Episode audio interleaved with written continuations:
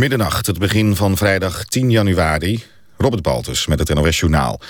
De voorzitter van het VN-klimaatpanel IPCC waarschuwt Nederland meer te doen om CO2-uitstoot terug te brengen.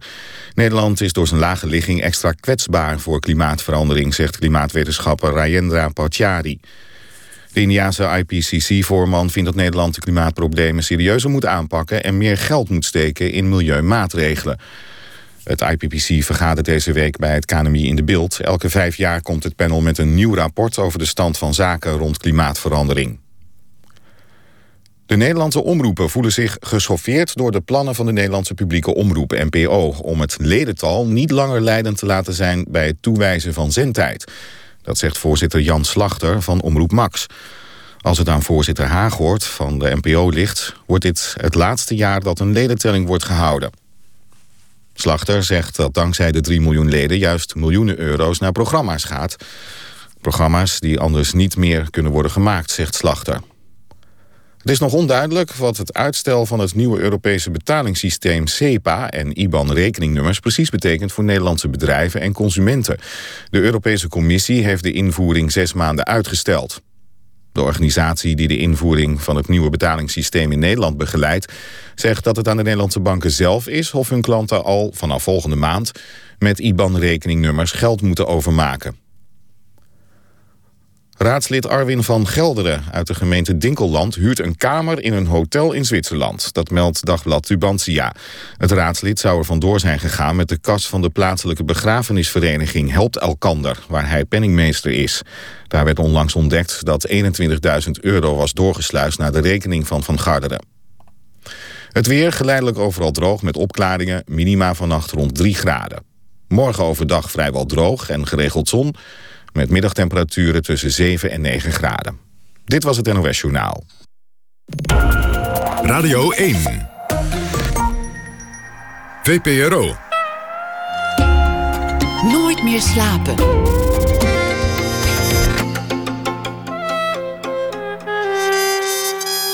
Met Pieter van der Wielen. Goedenacht en welkom bij Nooit meer slapen. Na ene wat de Duits-Nederlandse cabaretier Sven Radke doet om door de nacht heen te komen. Dichter Esther Naomi Perquin maakt fictie op basis van de waarheid, het nieuws van vandaag. En Appie Alberts, scheikundige met een rock'n'roll verleden, zijn biografie is verschenen. Maar we beginnen, we beginnen met misdaad, overspel, folteringen en uh, drank. Misdaad lijkt nu een mannenzaak. Meer dan 90% van alle misdaden wordt door mannen begaan. Een biologisch gegeven lijkt het, maar in andere tijden lagen de statistieken heel anders. In de 17e en 18e eeuw waren vrouwen minstens zo misdadig en agressief als de mannen. Historica Manon van der Heijden schreef er een boek over, Misdadige Vrouwen, en zij is hier te gast. Onlangs benoemd tot hoogleraar Comparative Urban History in Leiden. Onderwerpen tot nu toe misdaad, vrouwen, zeden en overspel in het verleden. En zij pleit voor verandering in de geschiedschrijving. Want historici hebben nog steeds blinde vlekken. En een van die blinde vlekken, dat zijn de vrouwen. Hartelijk welkom. Ja, nou, goedenacht ook. ja, goedenacht. Um, we denken tegenwoordig dat, dat het allemaal aan, aan de biologie ligt. Mannen komen van Mars, vrouwen van Venus. Uh, we hebben hormonen, hersenstructuren, noem maar op. En, en natuurlijk ook de evolutie, die halen we er ook altijd even bij. Ja. En dan is het dus vanzelfsprekend dat mannen crimineler zijn. Maar dat is ja. dus niet altijd zo geweest. Nee, nou het grappige is natuurlijk... in de jaren zeventig was dat nog een beetje taboe, hè? dat hele biologische gegeven. Maar nu met Zwaap zijn we natuurlijk allemaal van overtuigd dat dat klopt. En wij zijn ons brein. Ja, wij zijn ons brein. En die heeft ook keurig een heel hoofdstuk in over agressie... wat alleen van toepassing is op mannen. Maar inderdaad, vreemd genoeg blijkt dat in, als je naar wat andere tijden gaat kijken... dat dat heel anders lag. En uh, we weten nog niet zo heel veel ervan... maar we weten wel dat in ieder geval in Holland... en ook in Engeland, in grote steden... ook in iets kleinere steden... de criminaliteit van vrouwen veel hoger lag... En nou, in Londen, uh, Amsterdam, Rotterdam, Leiden, soms meer dan de helft. Meer dan de helft van de criminele van de, ja, van daden de begaan vervolgde door mannen. criminaliteit, zeg maar, werd begaan door vrouwen. Ja. Maar goed, dan zitten we meteen in het hart van, uh, van de discussie natuurlijk. Want uh, je zegt het al, uh, we tutoyeren toch? Ja, zeker. de vervolgde criminele handelingen. Ja, dan, dan zit er al een soort um, vertekening in Want werd alles wel even eerlijk vervolgd? Hadden vrouwen misschien een grotere kans om vervolgd te worden? Nou, dat klopt natuurlijk. Dat is uh, een hele goede vraag. Want vaak wordt er juist van tegenovergestelde uitgegaan... dat vrouwen zo weinig in de statistieken voorkomen... omdat ze ten eerste minder snel worden verdacht... en ten tweede, als ze al worden verdacht... dat ze dan anders worden behandeld door de rechters... en door de officier van justitie. Je hebt toevallig in Engeland heb je prachtige cartoons... de Innocent Women cartoons zijn dat. Dus kan je googlen en dan vind je daar hele leuke plaatjes van... Uh, maar dat blijkt dus soms ook het tegenovergestelde het geval te zijn. En voor de vroegmoderne periode geldt dat inderdaad. Dat vrouwen voor seksuele delicten sneller werden vervolgd. Omdat uh, hun seksuele eer veel belangrijker werd gevonden dan die van mannen. En uh, dus dat klopt ook wel. Dat ze vaker voor overspel werden vervolgd. Maar ook sowieso voor seks met een man voor het huwelijk. Uh, want dat is een seksueel delict. Tegenwoordig denken we meteen aan verkrachting en, uh, en incest. Maar in, in, die tijd was overspel of gewoon seks buiten het huwelijk al een seksueel delict. Ja, alle vormen van seks buiten het huwelijk waren strafbaar. Of dat nou om gedwongen seks ging of niet. Dus of het nou om incest ging of om verkrachting. Maar ook overspel, voorechtelijke seksualiteit. Allemaal strafbaar. En flink ook. Daar wil ik straks meer over weten. Maar laten we eerst even door, door de misdaadstatistieken gaan. We moeten dus een onderscheid maken tussen het soort misdrijven dat vrouwen begaan. Om, om iets preciezer erachter te komen hoe dat zo gelijk heeft uh, kunnen komen te liggen in die tijd. Ja. Zedendelicten, dan heb je natuurlijk vermogensdelicten. Uh, nou, wat, wat, het grappige is, hè, uh, als ik vaak zeg van ja, vroeger lag dat veel hoger dan nu het geval is, dan zegt eigenlijk iedereen gelijk ja, tuurlijk. Want toen werd bijvoorbeeld overspel vervolgd, dus daar zijn die hoge statistieken door te verklaren. Maar het grappige is dat zelfs als je dat ervan afhaalt, dat nog voor vermogensdelicten en ook voor geweld de cijfers heel hoog liggen en veel hoger liggen dan nu. En uh, dat je bijvoorbeeld, als je gaat kijken naar een stad als Leiden, daar werd de helft van alle vermogensdelicten werd gepleegd door vrouwen. En ik weet bijvoorbeeld van Rotterdam, daar heb je prachtige zogenaamde vechtboeken zijn daar bewaard gebleven, waar alle geweldsdelicten in staan. En kleinere delicten, maar ook grotere delicten. En uh, daar bestond vaak 40% van alle delicten werd door vrouwen gepleegd. Nou, dat is een ongekend hoog percentage. Want als we nu gaan kijken naar uh, het aandeel van vrouwen in de geweldsdelicten, dan is dat nou, 5% misschien. En, en wat voor geweld was dat? Was dat, was dat schoppen, slaan of, of ook echt moorden? Uh, nee, dat is, er is daar toch wel een heel duidelijk verschil tussen mannen en vrouwen. Uh, mannen plegen dus vaker inderdaad moord en doodslag. Maar vrouwen waren wel heel, heel gewelddadig in de zin van dat ze uh, uh, heel veel gooiden met uh, ja, bijvoorbeeld borden, kannen, kruiken. eigenlijk met van alles en nog wat. waardoor mensen dus wel zwaar gewond raakten. Je noemt net al meteen een, aantal steden. Leiden, Amsterdam. Het, het onderzoek is zelfs internationaal die archieven, ik ben benieuwd hoe dat, hoe dat in, in zijn werk gaat. Hoe groot is zo'n archief dat je bestudeert? En om dan tot dit soort statistieken te komen, hoeveel kasten moet je dan doorploeteren? Ja, nou dat ligt heel erg natuurlijk aan de grootte van de stad. Amsterdam is heel erg groot. Daar uh, heb ik zelf niet in gezeten, maar wel een van de medewerkers van het project. Nou, het ligt eraan. Maar er is, wat het leuke is, dat in Holland eigenlijk in elke stad de rechtelijke archieven bewaard zijn gebleven. Vanaf uh, einde van de 15e eeuw. En dat betekent dat overal de vonnissen er zijn, getuigenverklaringen, uh, bekentenissen ook. Dus gewoon de verhoren zijn allemaal bewaard gebleven. Uh, wanneer er tortuur werd toegepast, dus marteling, er werd het allemaal opgeschreven. En dat zijn dus rijen vol, uh, rijen boeken waar dat allemaal in staat. En Bijna niemand doet daar onderzoek naar. Ik ben daar altijd heel erg over verbaasd. Ik begrijp dat niet, want het zijn prachtige bonnen. Het vertelt heel veel over het dagelijkse leven.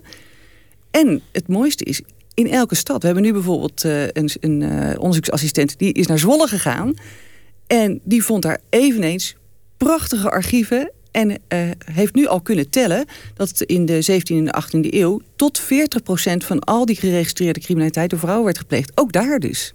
Komt het ook echt tot leven als je dan zo'n zo'n map openmaakt en je hebt die, die oude uh, vergilde archieven en, en daar staat dan zo'n hele zaak uitgeschreven met die zegt dit en die zegt dat en die uh, getuigt tegen die, maar die neemt het op en, en dan al die verklaringen. Komt, komt het echt tot leven? Is het dan echt alsof je in die rechtszaal staat? Ja, nou uh, niet zozeer in de rechtszaal, maar wel zeg maar in de stad. Dat vind ik wel heel bijzonder. Want je ziet ehm, eigenlijk doordat er de hele buurt komt aan het woord. Uh, maar ook alle familieleden, iedereen die bij een delict betrokken is.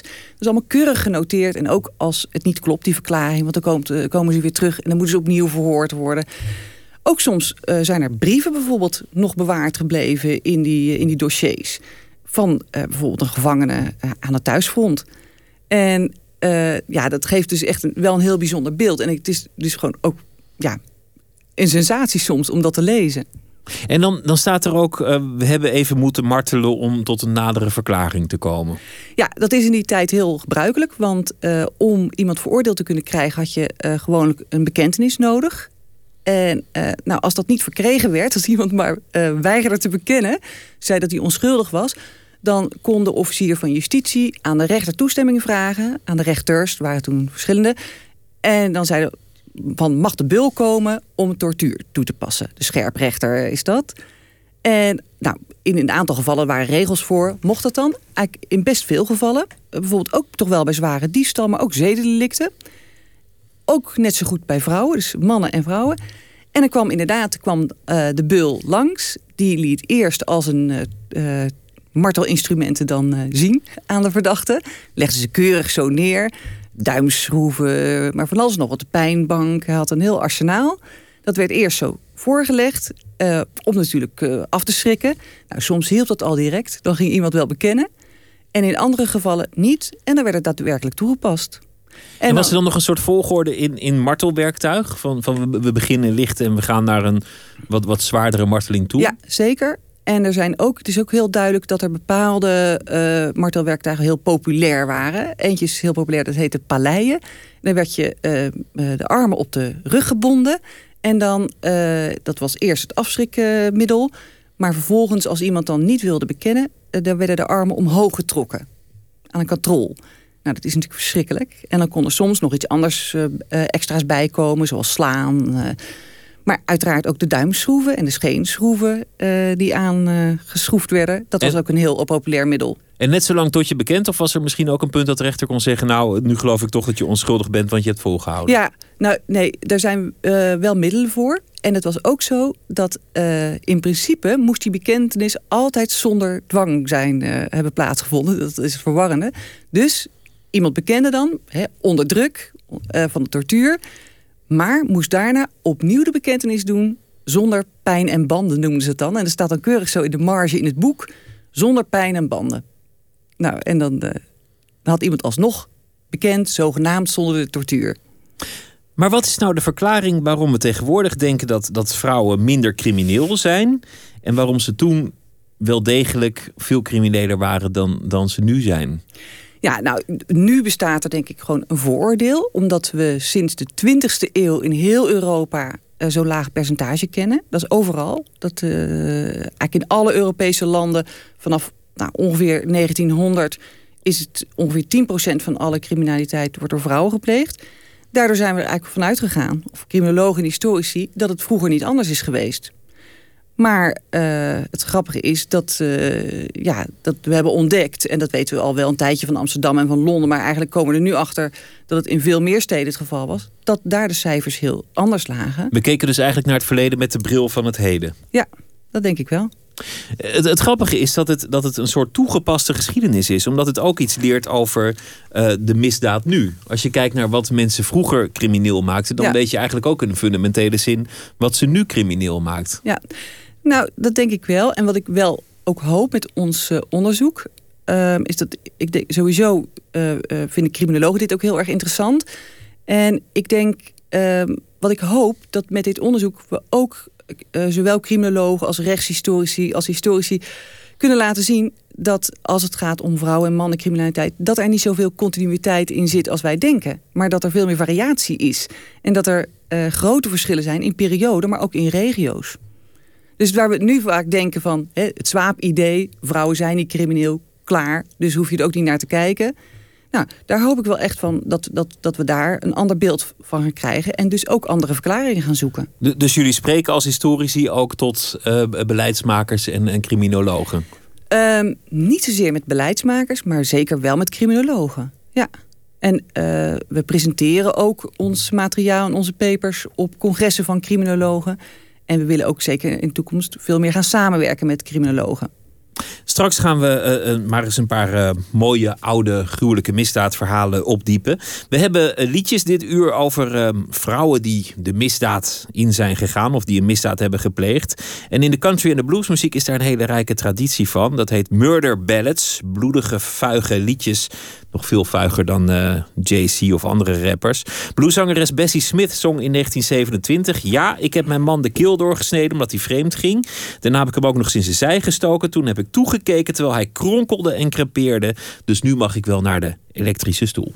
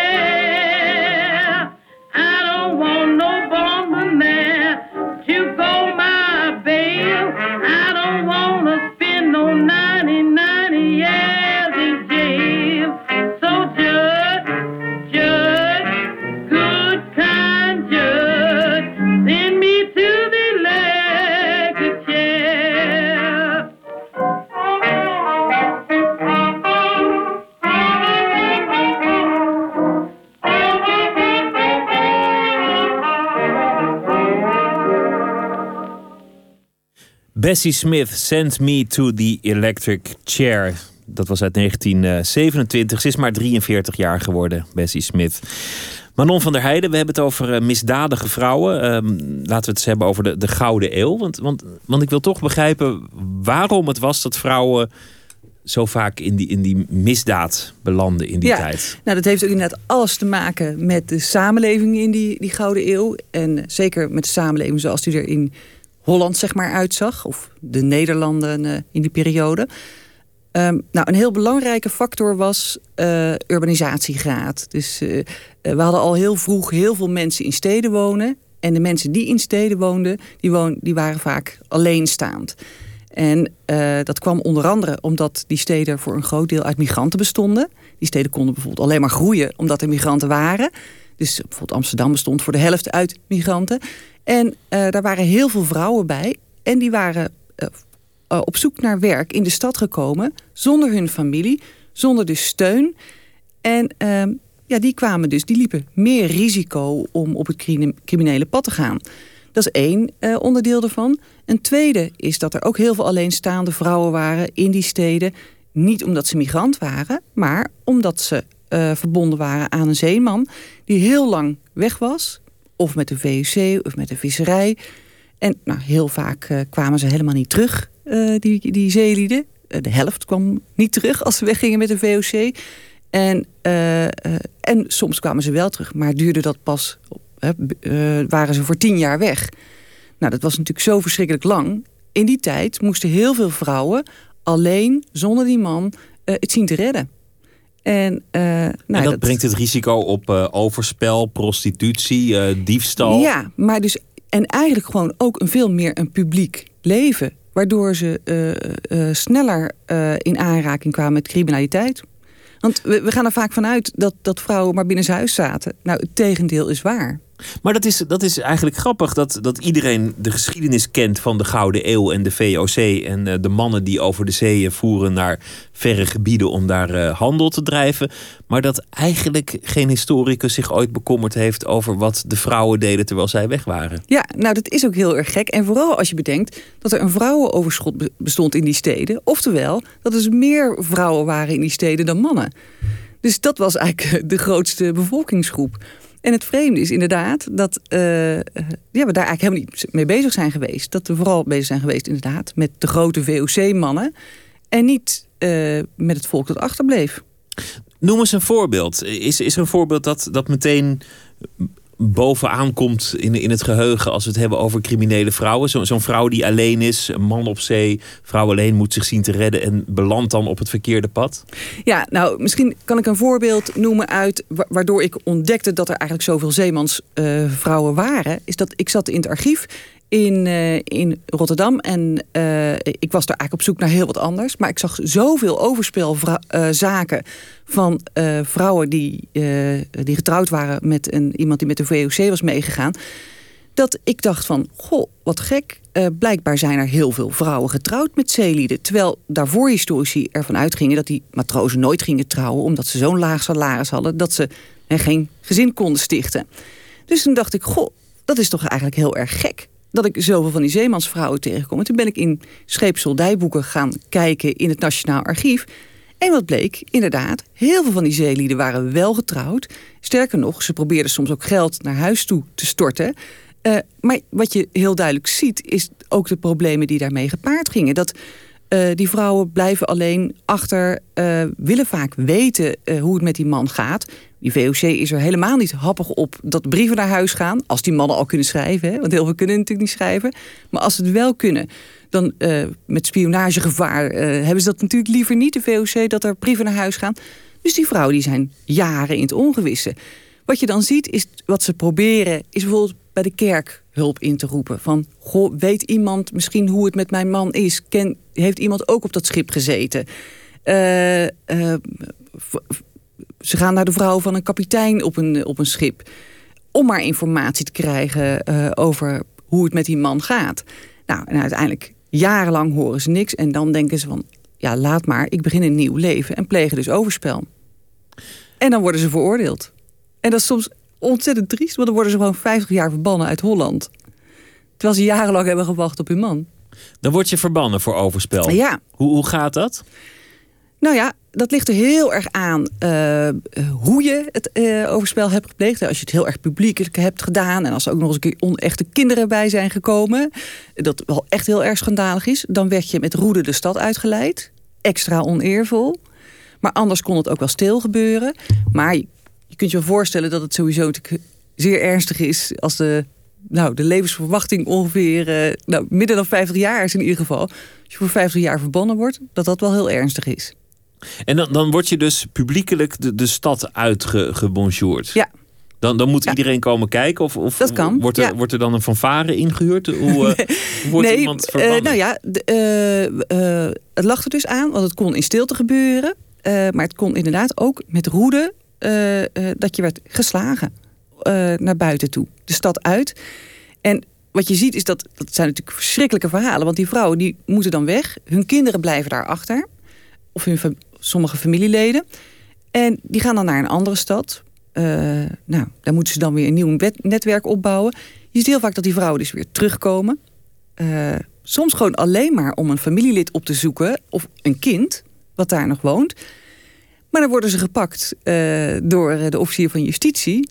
En dan krijgen ze extra straf er bovenop heel erg op, op reputatie gericht, hè, de rechtspraak. Ja. Terwijl tegenwoordig gaan we er eigenlijk vanuit dat iedereen zelf wel een soort schuldbesef heeft en zelf wel weet wat, wat goed is. Maar hier lijkt dat heel erg van buiten af te komen. Het lijkt heel erg gericht op, op is iemands reputatie geraakt of niet? Heeft hij het publiekelijk gedaan of niet? Ja, dat is ook inderdaad heel belangrijk. Een soort schaamtecultuur. Ja, ja nou, dat, zo wordt het ook altijd genoemd. Het wordt ook vaak vergeleken met de maffiacultuur in uh, Italië.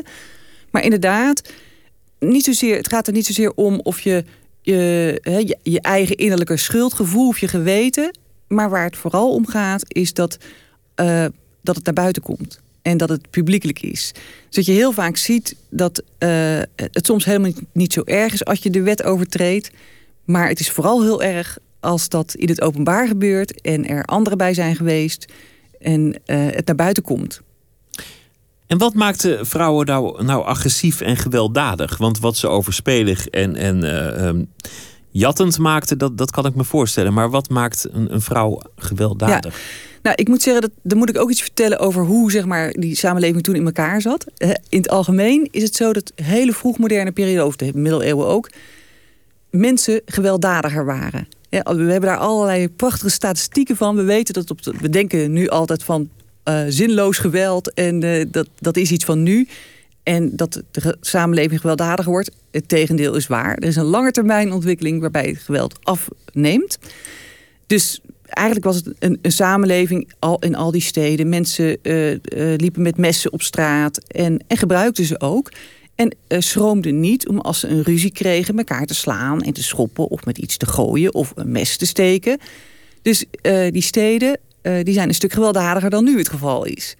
En in die context waren vrouwen die ook een publiek leven leiden, dus ook vaak gewelddadiger. Het, het, gaat gewoon om hele simpele dingen. In een buurt ruzie krijgen over het schoonmaken van een stoepje. En, uh, en als het antwoord uh, daarop niet bevalt, dan wordt er gewoon met iets gegooid naar iemands hoofd. Gewoon, mensen waren, hadden gewoon wat lossere handen. waren ze ook vaak dronken? Speelde dat ook mee? Ja, nou dat is ook het grappige als je, als je dat ziet, uh, hoeveel er gedronken wordt. Dat is eigenlijk de geschiedenis van het alcoholisme moet nog geschreven worden. Maar ik denk dat daar een terrein open ligt. Want als je gaat kijken hoeveel zowel uh, mannen als vrouwen worden veroordeeld... Uh, omdat ze een delict plegen in dronkenschap. Dus dat ze inderdaad geweld gaan plegen omdat ze gewoon te veel hebben gedronken... en agressief daardoor worden.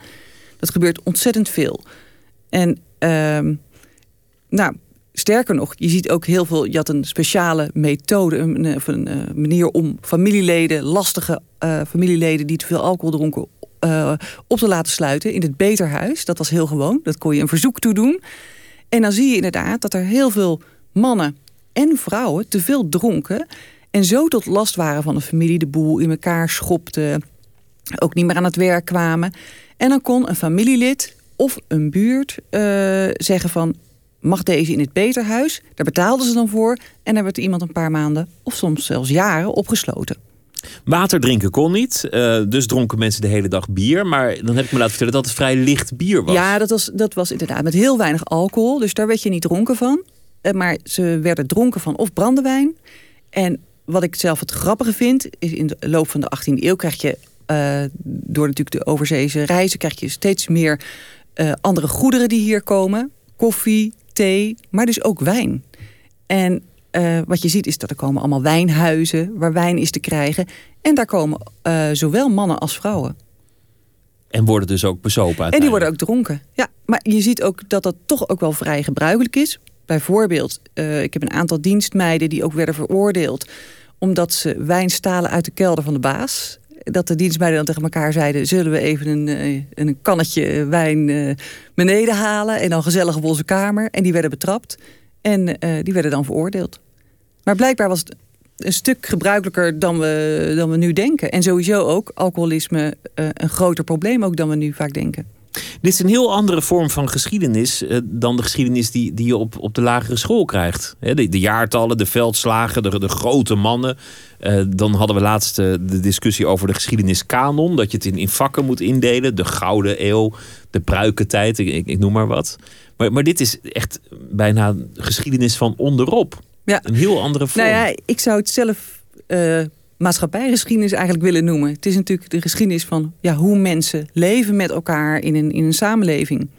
Maar hoe, hoe ver kun je erachter komen? Want je moet altijd door die bronnen heen. Je moet altijd via dat archief kijken naar die mensen en hoe ze leven. Want als je echt wil weten hoe mensen zich voelen, hoe ze, hoe ze denken, de meeste mensen die schreven niet, de meeste mensen die, die lieten geen bronnen na. Je, je, zou, liefst zou je in iemands bed willen kijken, bij wijze van spreken. Nou, dat is natuurlijk ook waar. Er zit een enorme bias in. Ik bedoel, er zit in dat soort filter overheen, want die rechtbankverslagen, ja, die mensen zitten daar en die willen zichzelf excuseren, zeg maar, voor hun daad. Hè? Dus die, die maken er een mooi verhaal van. Dus dat klopt ook wel. Het is allemaal via een bepaalde lens. En historici die zijn daar altijd over heel erg over debatteren van al die bronnen, van hoe je ze moet interpreteren. Tegelijkertijd vind ik verbazingwekkend hoeveel er werd opgeschreven. En ook er letterlijk stond over de verhoren, wat iemand antwoordde. En als het dan niet klopte, dan werd er opnieuw, kwam er een verhoor. Hoeveel je eigenlijk ook in detail ziet. Dat er precies wordt verteld op welke hoek van de straat iets gebeurde. Um, wie daar allemaal bij betrokken waren. Wat ik bijvoorbeeld ook opvallend vind, is dat uh, er huisdieren bijvoorbeeld zijn in de 18e eeuw. Dat uh, er bijvoorbeeld één vrouw is, Pleuntje Malta, die wordt verdacht van, van moord. Een heel verhaal, s'avonds op straat. Uh, maar de aanleiding was dat ze op straat loopt om haar poes te zoeken, omdat ze die s'avonds weer in huis wil hebben. Ik, ik moet eerlijk zeggen dat mij dat heel erg verbaasd heeft. Want ik, ik dacht van, dat is pas echt iets wat we van nu kennen en hè, in de 18e eeuw al een poes hebben die je s'avonds gaat zoeken omdat je hem naar binnen wil hebben. Ja, dat, uh, dat verbaast mij dan heel erg. Maar dat, daardoor zie je eigenlijk ook heel veel van het dagelijks leven. De huiselijkheid. We hadden het net over overspel. Een, een samenleving waarin, waarin seks buiten het huwelijk op elke manier taboe is. Seks is gewoon iets wat je, wat je binnen het huwelijk doet en anders doe je het gewoon niet. Ja. Niet ervoor, niet erna, niet, niet uh, met iemand anders dan degene met wie je getrouwd bent. Hoe ging Overspel in zijn werk in die tijd? Een, een dichtbevolkte stad, weinig gelegenheid om, om even een hotelletje te boeken. Hoe, hoe gingen mensen vreemd? Ja, natuurlijk op, op, dat kon op heel verschillende manieren. Uh, wat een groot verschil is met nu, is dat uh, wij natuurlijk nu allemaal afgesloten ruimtes, zoals afgesloten slaapkamers, waardoor heel veel buiten het zicht van het, uh, van anderen blijft. Maar dat was in die periode natuurlijk helemaal niet het geval. Uh, uh, mensen woonden dicht op elkaar, zeker in die steden. Dus iedereen kon uh, meemaken wat een ander deed. En dus ook wat er, wat, wat er, die kon ook zien wat een, als iemand anders vreemd ging. Dus vrij snel kwam je daar wel achter. Dus als je als vrouw of als man vreemd heren- of vrouwbezoek ontving... nou, dan wist de buurt dat wel. En die ging daar ook mee naar de autoriteiten en dat kon dan ook een rechtszaak worden. Zeker. Sterker nog, uh, omdat eer en reputatie zo'n groot belang is, vond de buurt vaak juist uh, dat dat niet kon. Uh, dat met overspel of met voorechtelijke seksualiteit de eer van de buurt werd aangetast. En waren het vaak verschillende buren gezamenlijk of één, één iemand uit de buurt die naar de officier van justitie ging en zei: Dit moet aangepakt worden, want onze buurt wordt er schande gemaakt. Grappig dat je zegt als een vrouw vreemd ging. Waarschijnlijk vanwege die, die man over zee. Maar ook dat is, is zoiets wat wij als een biologisch gegeven zijn gaan zien. Dat het de mannen zijn die vreemd gaan. Want die moeten hun zaad over een zo groot mogelijk oppervlak verspreiden. Want dat is nou eenmaal evolutie. Ja, maar er schijnen toch ook wel onderzoeken te zijn in Engeland. waar, waar dat al iets heel anders uit bleek. Maar inderdaad, als je naar die periode gaat kijken. Dan zijn uh, de meeste overspelzaken uh, staan op konto van vrouwen. Maar dat heeft gedeeltelijk te maken natuurlijk gewoon met de situatie. Dat er een vrouwenoverschot is, mannen veel uh, weg op zee. En tegelijkertijd is er een dubbele moraal. Het is heel simpel. Vrouwen, op, de, op de seksualiteit van vrouwen wordt gewoon meer gelet. En er is nog een derde factor. Uh, bij vrouwen kan het zichtbaar zijn. Als je zwanger wordt, dan uh, is het wel duidelijk dat je overspel hebt als je pan op zee is. Maar hoe is kuisheid uh, te combineren met, met zo'n dichtbevolkte samenleving zonder privacy? Als mensen toch zo op elkaars lip leven, hoe, hoe kan je dan op die kuisheid toezien? Ja, Nou, dat deden natuurlijk. Uh, er werd zeker op toegezien. Niet alleen door, uh, door de overheid en door, door buren, maar ook door de kerk. Door kerkraden. Maar, mensen komen al in elkaar slaapvertrek, bijvoorbeeld. Ja. Mensen, mensen slapen al in dezelfde ruimte. Ja, nou dat klopt. Sterker nog, in herbergen was het natuurlijk ook gebruikelijk dat uh, verschillende vreemden met elkaar een kamer deelden. En uh, nou, zodra bijvoorbeeld als een man en vrouw samen op een kamer waren en daar het, licht uitdeden of uh, een bak voor de deur zetten zodat de deur niet meer open kon, nou dan was er al snel een verdenking. Dat soort zaken die komen allemaal voor de rechtbank. Soms was er echt niks aan de hand. Uh, en dan werd iemand ook weer vrijgelaten, maar in andere gevallen natuurlijk niet. Dus, dus het, het vreemde is natuurlijk dat je enerzijds heb je die hele zware seksuele moraal, anderzijds zitten mensen heel vaak in een situatie waar, waar bijna de kat op het spek wordt gebonden, zeg maar.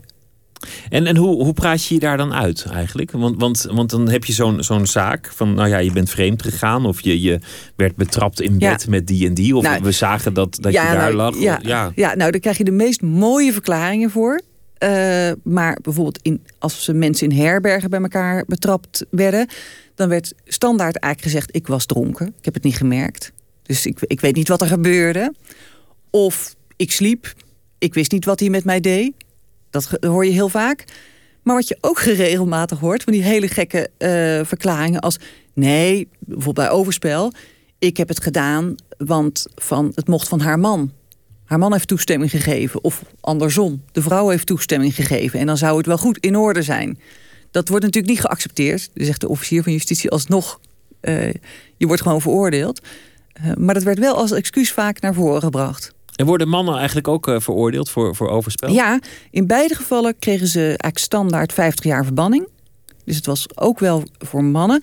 Maar dat was een soort, ja, een soort standaard straf. En tegelijkertijd in de praktijk werd daar heel vaak weer van afgeweken. En zie je dat, dat vrouwen eigenlijk een wat zwaardere straf krijgen dan mannen. Is dit nou iets, als je, als je dat leest, dat je denkt... ja, eigenlijk is er niet zoveel veranderd. Eigenlijk zijn mensen nu in essentie toch hetzelfde als, als toen? Of zijn het wezenlijk andere mensen met andere manieren? Mm, dat vind ik heel moeilijk om te zeggen. Wat ik wel duidelijk zie is dat mensen in een totaal andere situatie uh, uh, leven. En die zo volledig anders is uh, dan nu dat ze zich ook anders gaan gedragen. Dat, voorbeeld daarvan is bijvoorbeeld geweld, is geweld. Hè? Dat, dat, nu schrikken we heel erg van geweld. En, en is het heel erg duidelijk dat zodra uh, iemand zomaar wordt geschopt of geslagen, uh, dat dat heel ernstig wordt gevonden. En uh, dat, dat, wij, dat ons ook allemaal zorgen over maken. Dat is in die periode helemaal niet het geval. Dat is vrij gewoon. Je moet het niet te bond maken en daar word je ook voor veroordeeld. Maar tegelijkertijd dat op die manier ruzietjes worden, gewoon worden uitgevochten, dat is niet zo gek. Nee, dat, dat waren mensen dan ook wel uh, gewend. Over, ja. over geweld gesproken. We gaan uh, muziek draaien van Valerie June, een Amerikaanse zangeres uh, van nu. En zij beoefent eigenlijk alle traditionele Amerikaanse genres: country, blues, gospel, soul. En ook zij heeft dus een murder ballad op haar repertoire.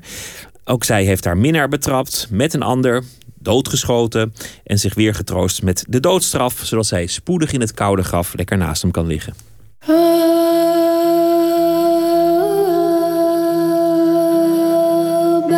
baby.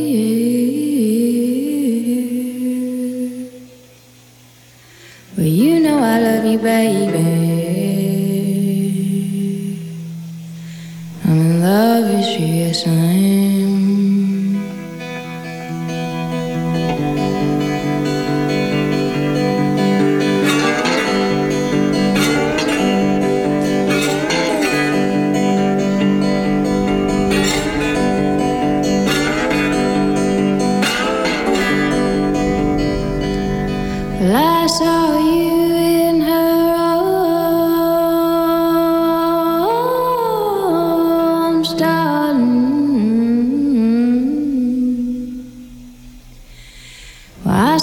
Kiss her lips, baby.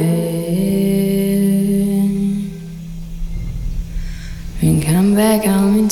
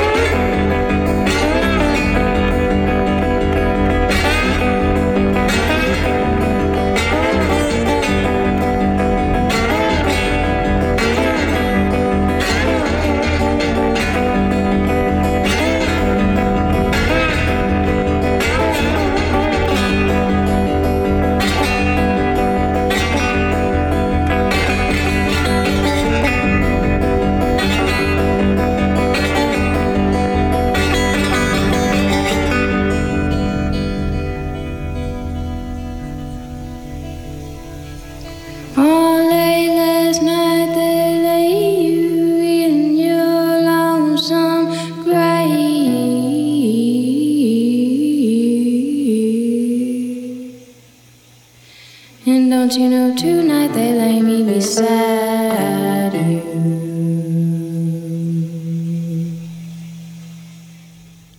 Valerie June Shotgun Blues van haar debuutalbum Pushing Against a Stone dat vorig jaar eh, verscheen. Manon van der Heijden zit hier in de studio. U luistert naar de VPRO, naar het programma Nooit meer slapen. We hebben het over misdadige vrouwen, een eh, boek dat net is eh, verschenen. Kindermoord hebben we nog niet gehad. Ik zeg het iets te vrolijk, Ja. geloof ik. nee, dat is inderdaad.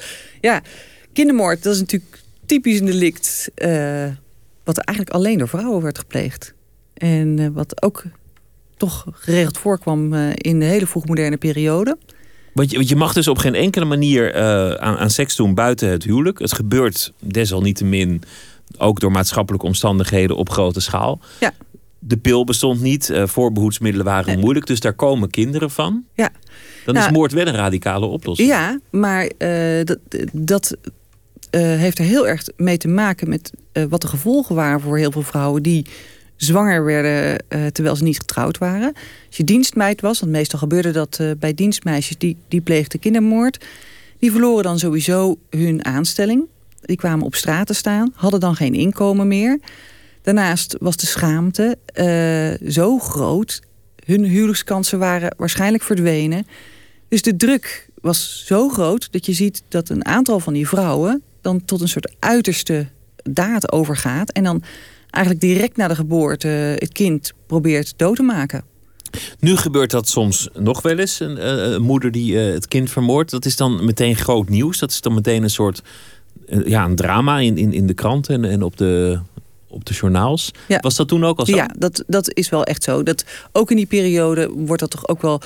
Het is een afschuwelijke daad. En eh, de vrouwen kregen daar ook de doodstraf voor. En eh, je ziet ook in hele uitgebreide verhoren die er zijn... dat er steeds wordt benadrukt door die officier van justitie en die rechtbank... dat het toch wel de meest gruwelijke daad is om je eigen kind om het leven te brengen.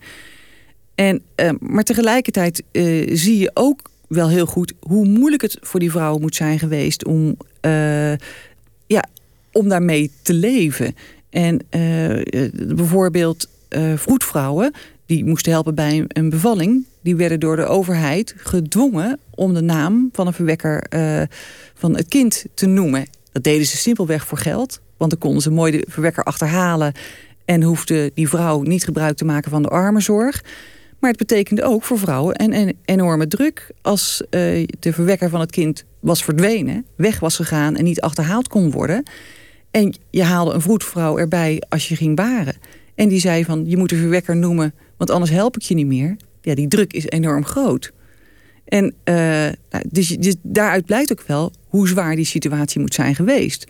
En eh, je ziet dat niet alleen de overheid zich daarmee bezighoudt, ook eh, de buurt en de, de kerk houdt zich daarmee bezig. Bijvoorbeeld in Delft was het zo, daar heb ik een, een, een voorbeeld van, dat eh, de overheid niet zo achter die voetvrouwen aangaat. eh, en dat de kerk, de kerkenraad dan vindt dat daardoor de seksuele moraal van de stad in gevaar is. En die roept min of meer de overheid op het matje en zegt van... gaan jullie daar nou eens een keer wat beter achteraan... en zorg nou eens dat die voet- vroedvrouwen eh, achter die naam van de wekker aangaat... zodat onze seksuele moraal zeg maar, wordt, wordt behouden. Hè, dat we wat meer daaraan doen. Ja, dat geeft wel heel erg aan hoezeer men daarmee bezig is. Maar ook uit de verhoren blijkt dat eh, eh, bijvoorbeeld een vrouw die haar eh, kind probeert om te brengen of dat al heeft gedaan. Dat de hele buurt gelijk op de stoep staat. Die staan allemaal in de keuken. Samen met de officier van justitie. Samen met de vroedvrouw. Uh, iedereen bemoeit zich ermee. Ga je anders naar het heden kijken als je zo in, in het verleden leeft? Als je zo de hele dag in een archief zit en, en zo de, de geschiedenis bestudeert. Kijk je dan anders naar de stad van nu? Als je over straat loopt? Nou, um, ja, wel in die zin um, dat ik...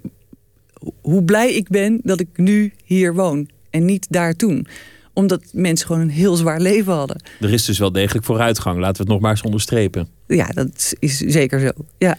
Hoe zit het met de, de, erkenning onder historici? Want, want de geschiedenis was heel lang toch de geschiedenis van de grote mannen, de grote veldslagen, de grote gebeurtenissen.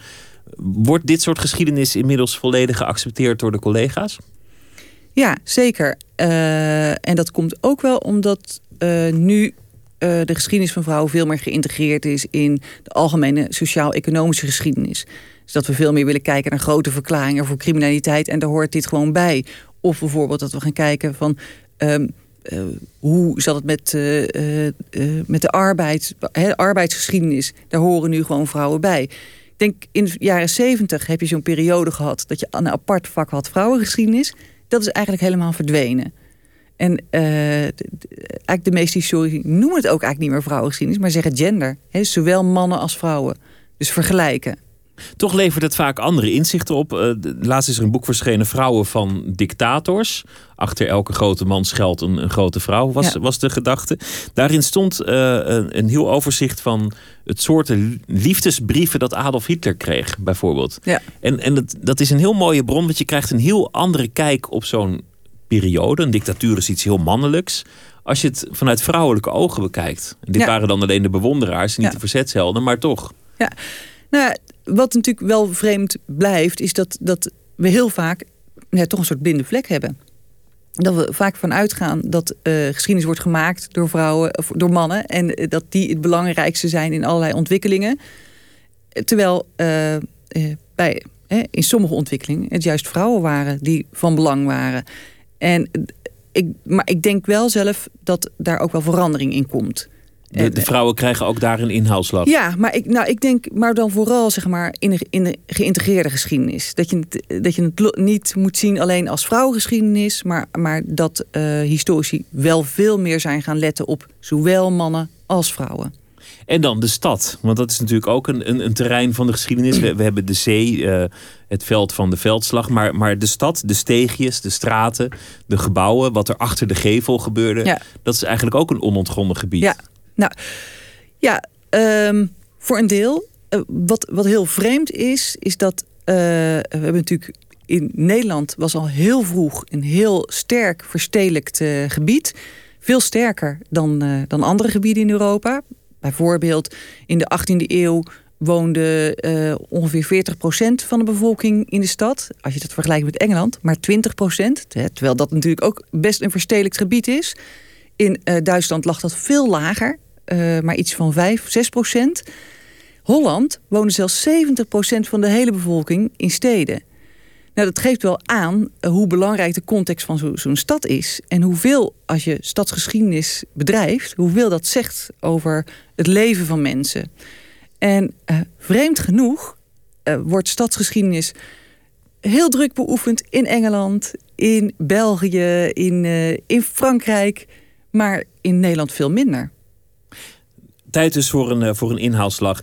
Het volgende project, dat is eigenlijk een vervolg hierop, is ook een internationale vergelijking. Om, om ook te kijken hoe het in, in andere landen in, in, in dat soort steden ja. en archieven zat. Dat, dat ja. lijkt me echt een enorm werk. Ja, dat is het ook. Uh, we zijn met een hele groep. Dus uh, in totaal uh, werken we uh, met bijna zeven mensen. Met zijn onderzoeksassistenten, mensen die bezig zijn met een proefschrift. En uh, die zijn niet alleen in Nederland, maar ook in Engeland, in uh, Duitsland, Italië en Frankrijk. En daar gaan we vergelijken. Dus we gaan uh, de steden in Nederland, waar die percentages hoog waren, ook in Engeland waren ze vrij hoog, gaan we vergelijken met steden in nou, Duitsland, Frankrijk en Italië. En dan kijken wat de uitkomst is. En nou, ik weet al een beetje ervan bijvoorbeeld, uh, de verwachting was ook dat het in Duitsland lager zou liggen. En dat klopt ook. En dat komt natuurlijk toch omdat dat een hele andere samenleving is weer dan Holland. Met minder uh, zeevaarders. Ook, ja, en ook waar het ook wel mee te maken heeft, is dat, dat hebben we eigenlijk nog niet zo genoemd, maar is dat uh, vrouwen ook toch wel heel veel vrijheid hadden hier in Holland. Het is uh, alvast een mooi boek geworden. Misdadige vrouwen heet het. Uh, verschenen bij uh, Prometheus, Bert Bakker. Criminaliteit en rechtspraak in Holland van 1600 tot 1800. Manon van der Heijden, hartelijk dank. we sluiten af met nog een murder ballad. En met een hele mooie van Nick Cave en PJ Harvey. Het nummer over Henry Lee.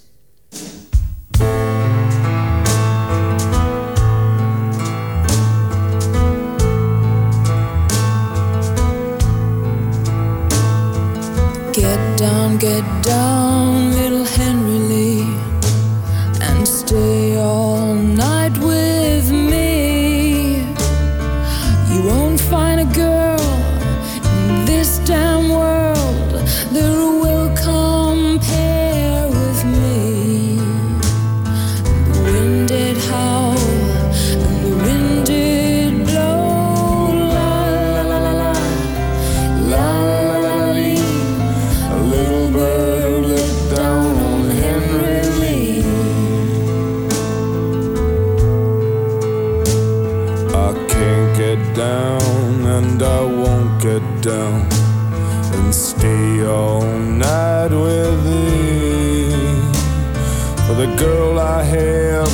in that merry green land, I love fair better than thee. And the wind did howl, and the wind did blow. La la la la la, la la la la lee. A little bird looked down on Henry Lee. She leaned herself against defense just for a kiss or two. And with a little penknife held in her hand, well, she plugged him through and through. And the wind did roar, and the wind did moan.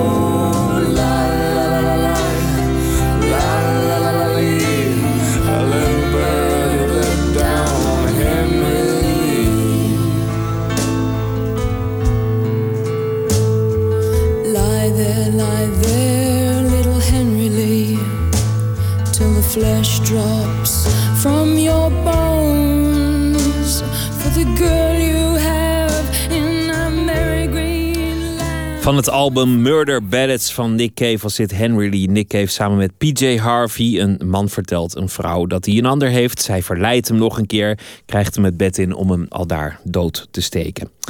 Elke dag een verhaal over beginnen aan het eh, begin van dit programma en dus ook eh, aan het begin van 2014. Vandaag met eh, journalist Ferry Mingelen, want die begint ook opnieuw na 30 jaar lang de politiek te hebben geduid voor het NOS-journaal en andere NOS-programma's.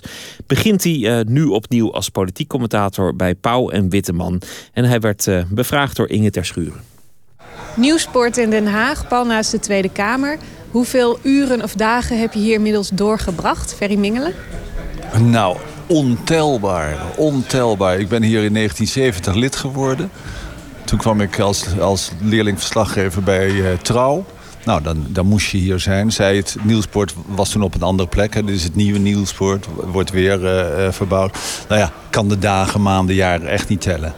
Half december heb je afscheid genomen bij de NOS, bij Nieuwsuur. En half januari start je bij Pauw en Witteman als politiek commentator. Wordt het dan minder de tijd die je hier doorbrengt? Nee, dat denk ik niet. Dat zal wel iets minder zijn omdat ik bij Nieuwsuur natuurlijk iedere dag in principe uitzending had. En bij Pauw en Witteman zal dat toch vooral zijn op dagen dat, dat hier politiek spannende dingen gebeuren. Uh, maar het is wel zo dat om te weten wanneer die spannende dingen gebeuren en om te begrijpen wat er gebeurt, uh, moet je hier toch wel vrij veel zijn.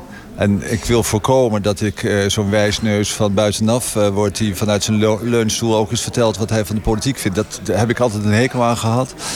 Uh, dat, dat kan ik met mijn ervaringen en kennis een paar maanden wel volhouden vanuit huis. Maar dan zullen mensen hier toch gaan merken dat ik, dat ik de puntjes op de i ga missen. En dat wil ik voorkomen. Dus ik zal hier nog steeds veel rondlopen. Wat is in jouw journalistieke carrière de meest interessante politieke periode geweest? De meest interessante, ja, Den Uyl was natuurlijk een hele interessante uh, periode. Maar de, uh, dit kabinet Rutte met zijn minderheid in de Eerste Kamer... met de voortdurende dwang om te onderhandelen met oppositiepartijen in de Tweede Kamer... met de onzekerheid die dat met zich meebracht... met ministers die door de wandelgangen zwierven om weer steun te krijgen... dat was politiek wel een hele interessante periode. Lubbers, het kabinet, wenst uitstel van wetgeving. De brief van die topambtenaren was politiek heel interessant. Wel zal de vraag zijn als CDA en PvdA nou volstrekt niet met elkaar eens kunnen worden in de formatie... en het wordt er weer een van 100 of 150 dagen. Niet erop met die kutcamera's. Goedemiddag vanaf het Binnenhof in Den Haag. U doet een beroep op mensen. Je had eigenlijk nog wel een jaar door willen gaan bij uh, de NOS... maar hebt nu uh, een nieuwe uitdaging gevonden bij uh, Pauw en Witteman. Laat je je ergens sturen door de redactie daar... of ga je je rol zelf uh, vrij invullen? Hoe gaat dat eruit zien? Ja, daar ben ik zelf ook heel benieuwd naar. Kijk, uh, voor Nieuwsuur uh, moest ik altijd het, het, het, politieke nieuws duiden. En dat betekent dat je... er is een verschil tussen duiden en commentaar geven. In duiden leg je uit wat er is gebeurd en waarom het is gebeurd door mijn toon liet ik af en toe wel een beetje merken wat ik er dan van vond. Commentaar is echt zeggen dat je het belachelijk vindt dat de, dat de kinderbijslag omlaag gaat of dat de uitkeringen omhoog moeten. Um, Paul Witteman zal iets meer invulling en kleur, denk ik, van mijn duiding vragen. Dat moet zich ook bij mij ontwikkelen. Aan de andere kant, ze wilden mij graag hebben om de naam die ik hier heb opgebouwd. En die is dat ik heel evenwichtig de politiek duid. Dus dat wil ik wel zo houden. En er zitten natuurlijk ook regelmatig politici aan tafel... die over een bepaald onderwerp komen praten. En de gasten gaan met elkaar in discussie. Dus ik kan me zo voorstellen dat je ook vaker met een politicus rechtstreeks in discussie zal gaan. Ja, dat, dat, dat, ik kan me voorstellen dat je dat zegt. En misschien gebeurt dat ook wel. Maar het is voor mij wel een, een nieuw terrein. Want, want ik ben tot nu toe nooit... Uh, uh, bij Nieuwsuur in discussie gegaan met politici. Het was ook zo dat als Nieuwsuur een, een, minister op de set had... dan ging ik niet het debat waarin hij was opgetreden... ging ik nog eens zitten duiden. Want ik vond altijd, als, op, als de hoofdpersoon op de set zit... dan moet hij het maar vertellen. En dan moet de interviewer in Hilversum moet het werk doen. Ik, ik weet nog niet hoe dat gaat lopen uh, als ik bij Paul Witteman zit. Het zal er ook van afhangen wie daar dan de politicus en welke kwestie het betreft. Is nu weer tijd dus voor een nieuwe fase bij Pauw en Witteman aan tafel. Uh, komt er ooit een moment waarop Ferry Mingel uit eigen beweging zegt... Uh, ik stop met uh, het politieke duiding? Nou ja, natuurlijk zal dat moment komen. Alleen, als je me nu vraagt wanneer, nee, dat kan ik, kan ik niet zeggen. Als ik merk dat het me niet meer zo interesseert... of als andere mensen dat merken en mij dat zeggen... dan moet ik er natuurlijk mee ophouden. Overigens, ik ga ook nog wel andere dingen doen. Uh, ik, ik, ga ook een, wel weer een politieke column in regionale dagbladen schrijven. Maar ik schrijf ook uh, reisverhalen. Ik schrijf wandelverhalen. Ik, ga nu, ik ben nu net uh, tien dagen op een uh, groot zeiljacht in de Caribische gebied geweest. Daar moet ik een verhaal over schrijven. Dat ga ik ook met enige regelmaat doen. Ja, wie weet ga ik over drie jaar wel helemaal alleen nog maar reisverhalen schrijven. Dat, dat weet ik niet. Maar vooralsnog vind ik de politiek heel leuk, heel belangrijk. En blijf dat dus heel graag doen. 31 zetels nu gaat naar 41. PvdA 30 zetels nu gaat naar 40. Dit, dit is alweer... Al dus Ferry Mingelen die begint bij Pauw en Witteman. Dit was het eerste uur van Nooit meer slapen. We zijn straks bij u terug met nog veel meer cultuur en andere zaken. Tot zometeen.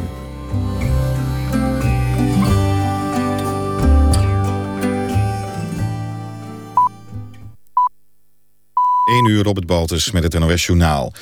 De voorzitter van het VN-klimaatpanel, IPCC, waarschuwt Nederland meer te doen om de CO2-uitstoot terug te brengen.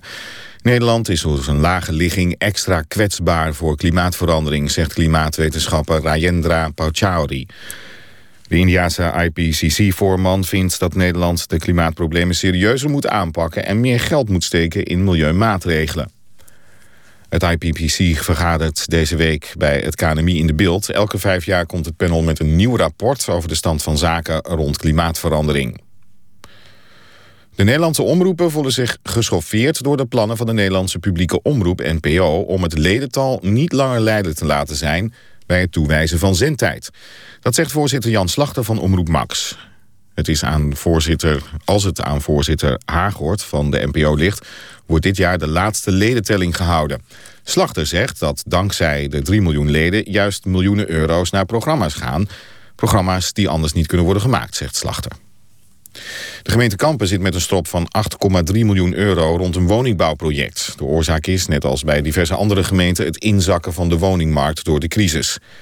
Eerder werd bekend dat de gemeente Apeldoorn door mislukte woningbouwprojecten zit met een strop van 124 miljoen euro. Het is onduidelijk wat het uitstel van het nieuwe Europese betalingssysteem SEPA en IBAN rekeningnummers precies betekent voor de Nederlandse bedrijven en consumenten. De Europese Commissie heeft de invoering zes maanden uitgesteld. De organisatie die de invoering van het nieuwe betalingssysteem in Nederland begeleidt, zegt dat het aan de Nederlandse banken zelf is of hun klanten al vanaf volgende maand met IBAN-rekeningnummers geld moeten overmaken. Het weer geleidelijk overal droog met opklaringen. Minima vannacht rond 3 graden. Morgen overdag vrijwel droog en geregeld zon met middagtemperaturen tussen 7 en 9 graden. Dit was het NOS Journaal. Radio 1. VPRO. Nooit meer slapen.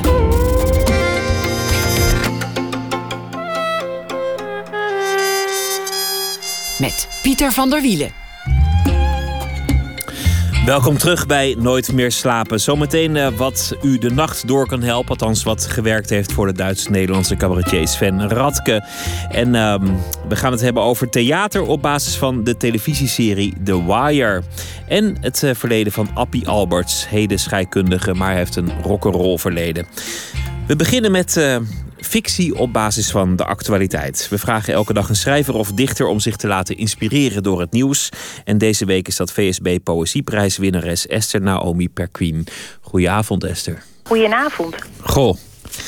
Ja, zo spreek ik je nooit, zo spreek ik je elke dag. Ja, dat krijg je ervan. Het gaat ook weer over, Pieter, moet je maar denken. Alles gaat over, vind ik ook altijd een jammere gedachte. Nou, ik, uh, ik zit er helemaal klaar voor. Waar ga, waar ga je het vandaag over hebben? Wat was, wat was er in het nieuws in dat gigantische aanbod dat jou heeft geïnspireerd? Nou, ik, ik, ik vond dat we wel eens uh, wat luchtigs moesten doen... Uh, na al die zware gesprekken die we al gevoerd hebben. Over oorlogsmisdaden. Ja, het was allemaal ellende. en vanmorgen las ik in Trouw iets dat, me, dat ik zo aandoenlijk vond... en zelden tegenkom. was een moeder die heeft haar zoon geholpen met zijn krantenwijk... Ik weet niet of je het bericht hebt meegekregen.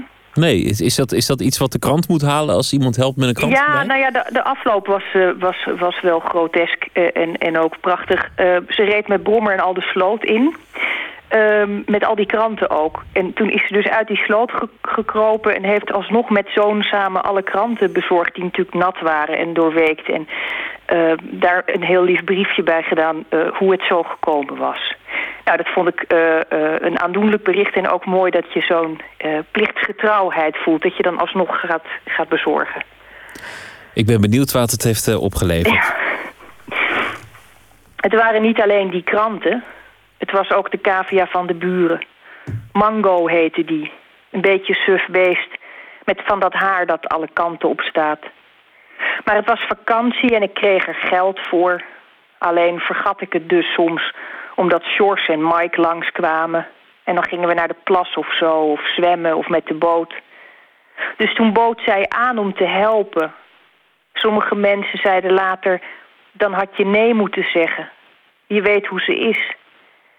Ja, dat is makkelijk gezegd. Kijk, ik wil niet als een mietje klinken, maar mijn moeder is gewoon kapot relaxed. Ze vindt het fijn om mij te helpen. Dus toen ik dat met die cavia zag... oké, ik was over de zeik, maar niet lang of zo. Ik heb gewoon gezegd, toch bedankt, ma. Want het was haar schuld niet. Ik had moeten zeggen dat dat waterflesje niet goed sloot... en dat ze het heel strak aan moest draaien voor ze het terughing. Dus ja, dat was Mango. En dan was er nog die keer dat ze met schoolreisje meeging... en het stuur overnam omdat zij dacht dat de buschauffeur in slaap was gevallen. En die keer dat ze me wilde verrassen door mijn kamer op te ruimen... en dat ze al mijn wandelende takken had laten ontsnappen. En die dag dat ze me wilde helpen met een proefwerk geschiedenis... en me ging overhoren over de revolutie. Maar wel de verkeerde revolutie. Had ik een vier. Maar weet je, kijk naar je eigen moeder... Wie heeft er zo een als die van mij? Niemand. Dus, je mag alles tegen me zeggen, gast... maar van mijn moeder blijf je af. Ja, dat, dat vind ik mooi. Inderdaad, van moeders blijf je af. Het is, uh, het, het, is inderdaad een geestig thema. Hè? Moeders die willen helpen, dat, dat moeten moeders natuurlijk uiteindelijk eigenlijk gewoon niet doen. Nee, nee, het gaat vaak fout en het, je kunt het ze dan ook niet kwalijk nemen. Dat is natuurlijk voor iedereen het ergste. Um, ja, ik, ik zag deze vrouw wel voor me en ik, um, ik, ik, ik, ik, ik, wilde eerst een ode schrijven, maar toen dacht ik, ja, deze vrouw is natuurlijk al in haarzelf uh, groot genoeg. Die, kan dit wel hebben. Ik had, ik had vroeger ook een krantenwijk en, uh, in het dorp. En uh, we hadden in het dorp ook een zonderling. Dat was, was iemand die was filosoof, maar die was eigenlijk ook ja, die, die kon niet zoveel handelen en die was ook een beetje autistisch.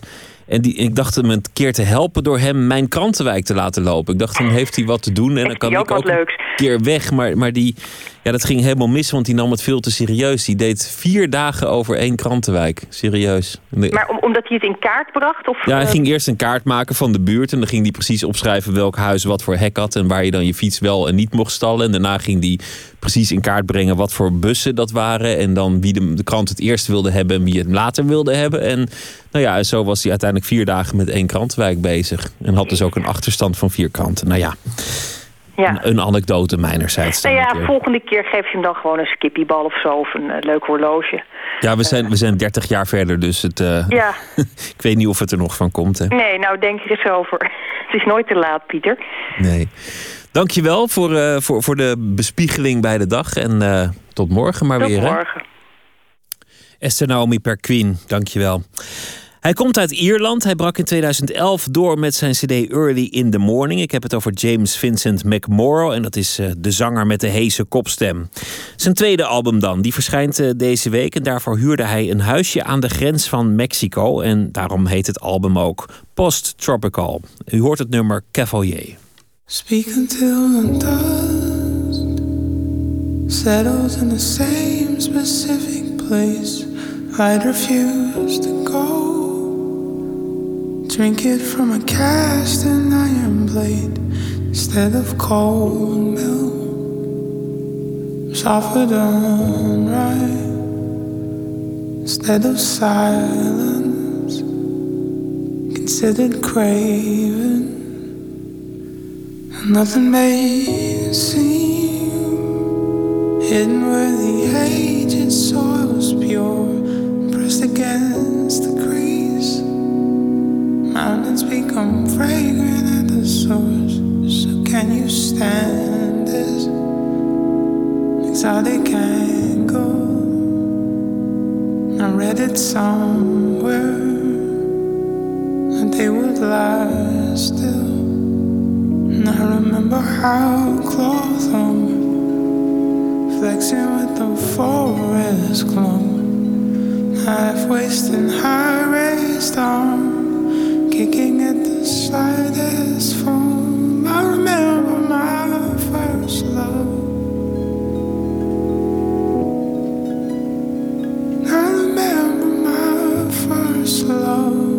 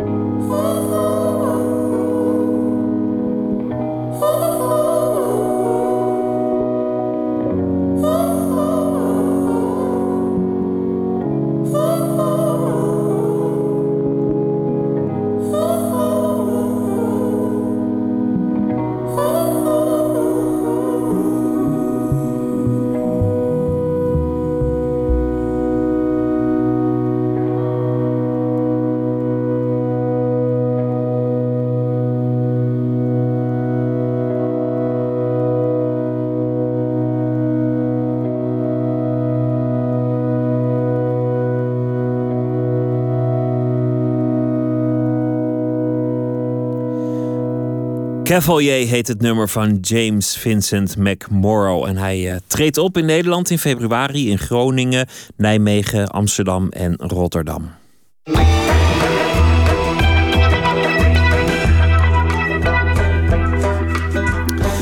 U luistert naar Radio 1, naar de VPRO, het programma Nooit meer slapen.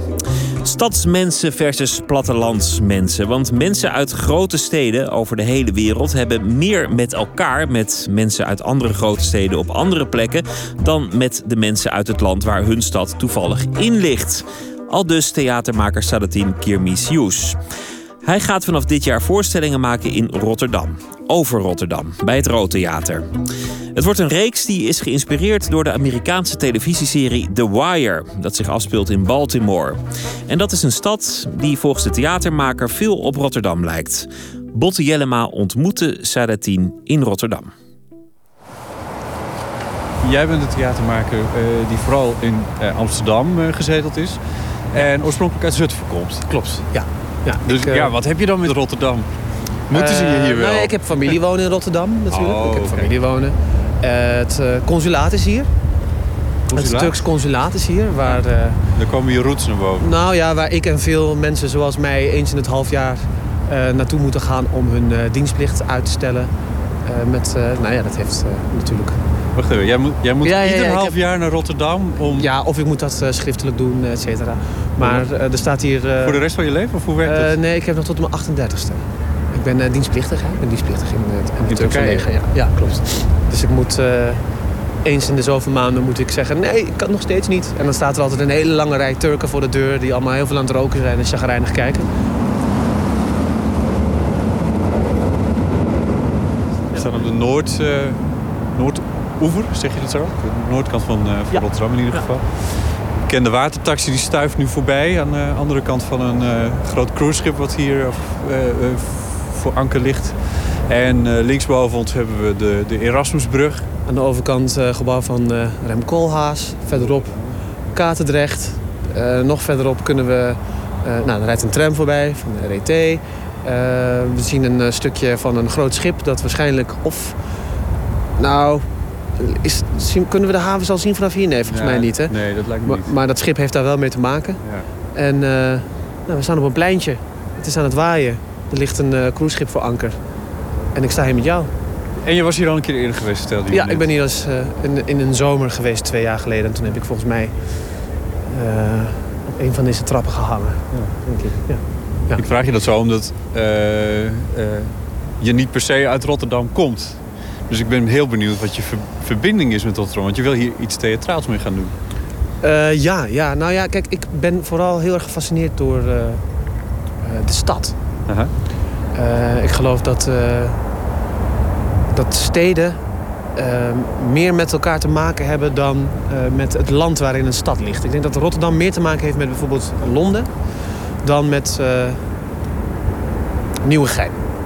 Ik denk, denk, denk namelijk dat een stad een soort dynamiek heeft die eh, een internationale allure heeft of een internationale verbinding heeft met, met, met andere wereldsteden. Ja. En eh, vandaar dat ik iets heb met Rotterdam. Ik ben natuurlijk uitgenodigd om hier wat te komen maken door de Rood. Het was eh, in eerste instantie niet mijn eigen plan om naar Rotterdam te gaan. Laten we daar gewoon eerlijk over zijn. En ik werd uitgenodigd om wat te komen maken bij het Rome. Om, om als maker aan de slag te gaan. En daar ben ik eh, gretig op ingegaan. Rood Theater, dat is het gezelschap wat hier in de stad eh, zit. Ja. Je zei net, grote steden hebben meer met, met elkaar Ja. Dan met het land waar ze eh, per se eh, Ja. in Ja. liggen. Dus steden als, als eh, Amsterdam, Rotterdam zijn meer Amsterdam, Rotterdam, verbonden. Berlijn, Londen, Parijs, Brussel, Barcelona, Madrid. Nou, noem ze op. Gewoon dat lijstje wat je bij KLM Wereldsteden krijgt eigenlijk. Ja. Misschien Baltimore, maar daar gaan we het straks nog even Ja, over hebben. Baltimore ook. Ik weet niet, alleen niet of ik daar graag op vakantie zou gaan. Nee, ik ken het natuurlijk alleen maar van... Laten we het daar zo even over hebben. Maar, maar wat is die verbindenis? Ik denk dat het heeft te maken met eh, een soort eh, zenuwcentrum van... Nou, kijk, de, de wereld verstedelijkt. Hè? De mensen trekken steeds meer naar de stad. En eh, daar moet je als stad of als die mensen die verantwoordelijk zijn voor een stad... moet je mee om kunnen gaan. Dat is natuurlijk anders dan een burgemeester van een klein stadje op de Veluwe. Ja. Er wonen hier iets van 170 verschillende nationaliteiten door elkaar. Enorm gemengde wijken. Wat bedoel je precies? Zijn het andere mensen die hier wonen of een andere mentaliteit? Of Ja, wat, ja wat allebei. Ik ben, eigenlijk allebei wat je zegt. An- andere mensen, andere mentaliteit, andere dynamiek. Eh, een andere houding eigenlijk. Volgens mij moet je in een stad toch... eh, je moet in een stad op zoek naar eh, je eigen plekjes. En als je in een kleine stad woont, dan wijzen die zich vanzelf. Ik kom uit Zutphen, dat is een klein stadje. Dat, eh, heeft Met alle respect, een provinciestad. ja, dat is een provinciestad, ja. Eh 30 tot 40.000 inwoners. Ja, daar had je eh, één discotheek. Je had daar zoveel bakkers. Je had daar twee scholen. Dus dan werd het al gauw voor jouzelf bepaald eigenlijk. En hier moet je veel meer, in de stad moet je veel meer je eigen, je eigen richting zien uit te, je eigen route zien uit te stippelen. Is het leuk? Je maakt nu net ook een beweging met je schouders. Een soort Ja. van, van wringbeweging. Ja, je moet, ja, je moet je laveren tussen, tussen al die eh, obstakels of al die keuzes. Je moet, nou, je, moet, je moet zelf bepalen waar en hoe. En, en voel je jij je nou meer thuis tussen die grootstedelingen, tussen de Rotterdammers, eh, dan tussen de Zutphenaren inmiddels? Ja, ik ben wel echt een stadsmens. Ja, absoluut. Ja. Waar ligt het aan? Ehm, kijk, in de stad is het heel makkelijk om te verdwijnen. Je kan anoniem zijn in een stad. Een stad is ook... Ja, een grote stad eh, biedt zoveel. Ehm er kan, eh, eh, en, en het is ook eh, avontuurlijk. Hè? Er kan altijd iets gebeuren. Je weet nooit als je eh, op een dag de tram pakt en je gaat eh, ergens heen en je stapt uit. Of je gaat wandelen en Doe je dat? Gewoon Ja, zomaar de in de tram stappen ergens heen? Eh, nee, niet meer. Nee, maar dat heb ik wel gedaan. Dat heb ik Ja? wel gedaan. Ja, tuurlijk. Want, Wat eh, zocht je dan? Nou ja, eh, ik wilde vooral eigenlijk een eh, stad leren kennen. Dus eh, ik, woon in, eh, ik woon intussen vijf jaar in Amsterdam. En de eerste paar weken dat ik daar rondfietste, had ik nooit een kaart bij me. Want ik dacht, ik moet gewoon verdwalen. En dan zien we wel waar het schip strandt. En als ik het echt niet meer weet, dan kan ik het aan iemand vragen. Maar tot die tijd laat ik het gewoon op, op eigen houtje ontdekken. En Eh, nou ja, de- Rotterdam is ook zo'n stad hè, waar je eigenlijk... Doe, ben je daar wel eens geweest? Nee. Nee. Dat gaan we nu Zullen doen. we heen gaan? Ja, Ja. tuurlijk. Ja, waar wijs je nou precies naar? Eh, ik wijs eh, naar dat eh, witte gebouw met dat zwarte blokje ervoor. Het lijkt op een parkeergarage. maar nou, dat bijvoorbeeld. Ja. En ik kwam zo langs de Schouwburg, langs de Schouwburgplein. En, en al die, waar- ze aan het bouwen zijn. En dan staan daar van die, van, die, van die borden. En dan staat er op en de start wordt groen en we gaan dat doen. En dan denk ik, ja, er wordt hier iets met die stad gedaan. Ze zijn bezig met die stad. Het, is, niet, het is niet af. Nee. En dat is zo tof aan nou, een stad. Dat, is, dat het voortdurend in ontwikkeling is. En er zijn mensen die zich daar enorm mee bezighouden. Ja, ik vind het enorm fascinerend. En dan in die stad wonen en werken mensen zoals jij en ik. En die zich moeten verhouden tot hoe een stad zich ontwikkelt. En het daarmee eens zijn of niet mee eens zijn. En zich moeten verhouden daartoe. Ja, ja dat is, ik vind het ontzettend boeiend. Je hebt je verbonden aan het uh, Rood Theater nu, stadsgezelschap van uh, Rotterdam, theatergezelschap. Uh, je gaat er één keer per jaar een voorstelling maken. En um, de eerste, op hoofdlijn in ieder geval, daar is het eerste al van bekend. Dat is namelijk dat je je wil laten inspireren door deze stad, door Ja. Rotterdam. Ja. En dat je daarbij in je achterhoofd de televisieserie, HBO-serie The Wire eh, hebt. Ja, Kun je er iets over vertellen? Ja, het plan is in principe om een, eh, een reeks te gaan maken. Dus meerdere voorstellingen. Die allemaal geïnspireerd zijn op de methode die is toegepast bij het maken van The Wire. Dus de- de- die, die, die serie speelt zich af in Baltimore. Dat is een grote Amerikaanse stad in, eh, aan de oostkust van de Verenigde Staten. Maar wat daar vooral interessant aan is, is dat het eigenlijk een soort schabloon is voor andere steden. En natuurlijk is de problematiek die in die serie wordt behandeld, eh, nou, redelijk Amerikaans. Ik bedoel, eh, alleen al eh, het gebruik van vuurwapens is daar natuurlijk een stuk groter dan, eh, dan in Nederland. We, we hebben een hele strenge wapenwet, godzijdank. Maar wat daar heel goed aan is, is dat je, naast dat het een heel goed gespeelde en mooi geschreven serie is, dat je eigenlijk een soort problematiek te zien krijgt die heel kenmerkend is voor nou, steden. Dus dan komen we weer terug bij het boogje. Die serie is vijfdelig. En eh, in principe is het anekdotetje heel Vijf, simpel. vijf seizoenen Vijf bedoel je dan? seizoenen, hè? ja, dus ja, iets van 13 eh, afleveringen per seizoen. Eh, nou, misschien wel meer. Ik denk 24 zelfs. Ze hebben lekker de tijd genomen. Maar ehm, die, het, het verhaaltje is vrij simpel. Politieagenten proberen criminelen te pakken. Ja. En dat kabbelt zo die vijf seizoenen door. Maar elk seizoen heeft een ander thema. Dus het eerste seizoen gaat vooral over criminaliteit.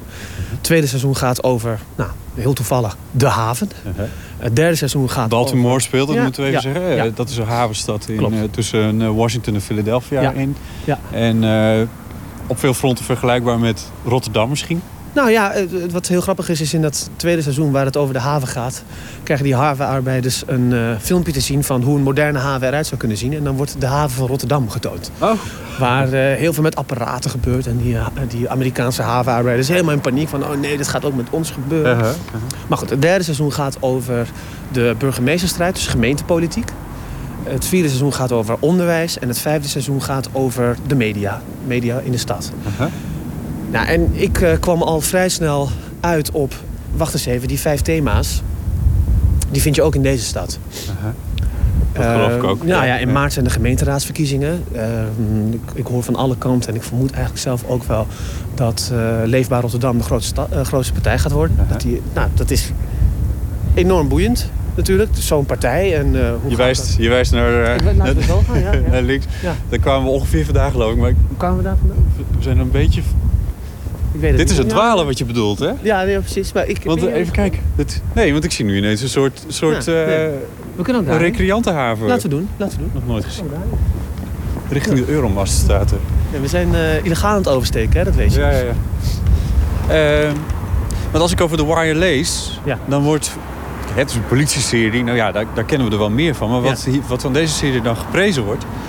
is de, de realistische eh, benaderingswijze die zij hebben. Ja. hoe zeg je dat? Hoe, is dat? hoe wordt dat concreet? Want dit is het enige wat ik ervan weet. Ja, vlees en bloed. En Ja. eh, wat heel interessant is, is dat in tegenstelling tot andere grote werken... dat eh, goed en kwaad niet van elkaar gescheiden is. Het loopt door elkaar. de goeie zijn ook een beetje kwaad en de kwaaien zijn ook een beetje goed. Ja, ja, ja. Je, bent je, bent, je, bent, je raakt er enorm van in de war. Omdat je in principe als je begint aan, aan, een, aan een verhaal wat nou ja, over criminaliteit gaat... of over corruptie of hè, dat soort zaken, dan in principe weet je dan al van nou, die is eh, fout en die is goed. Of die heeft daar en daar eh, foute beslissingen gemaakt. Ja. Maar je ziet eigenlijk de machinaties achter nou, dat, soort, dat, soort, dat soort keuzes. Weet je al wat je gaan- wil gaan doen? Want de- ja, het, het klinkt heel breed, heel maatschappelijk, heel betrokken, heel erg vlees en bloed. Ja, ja, ja. Ik, maar, maar- in zo'n stad gebeurt er zo verschrikkelijk veel. Ja, maar dat is, eh, ik vind dat helemaal geen probleem. Ik, ik vind zelf altijd in het eh, voortraject, hoe meer, hoe beter. Ja. En hoe diffuser het wordt, hoe beter. Omdat je dan eh, zo'n enorme grote stapel hebt waar je uiteindelijk uit kan plukken. En ik geloof ook heel erg in dat dingen vanzelf ontstaan. Ik geloof heel erg in serendipiteit bij theater maken eigenlijk. Serendipiteit, kun je dat uitleggen? De, de ongezochte vondst. Pek van Andel, Ja. vader van een goede vriend, professor in de serendipiteit, die omschrijft het als een naald zoeken in de hooiberg en eruit komen rollen met de boerenmeid. dus ja, dus dat is. eh, want ik geloof, nee, ik geloof echt dat je ook als je, als je daarvoor open staat en je neemt ook de tijd om. eh, om je te Ah. verdiepen ergens, dat, dat, dat je vanzelf wel dingen gaat tegenkomen. Kijk, hoe ik nu bijvoorbeeld er- erover denk, want ik begin dan, eh, nou ja, over een paar maanden ga ik beginnen met dat voortrek, met dat vooronderzoek.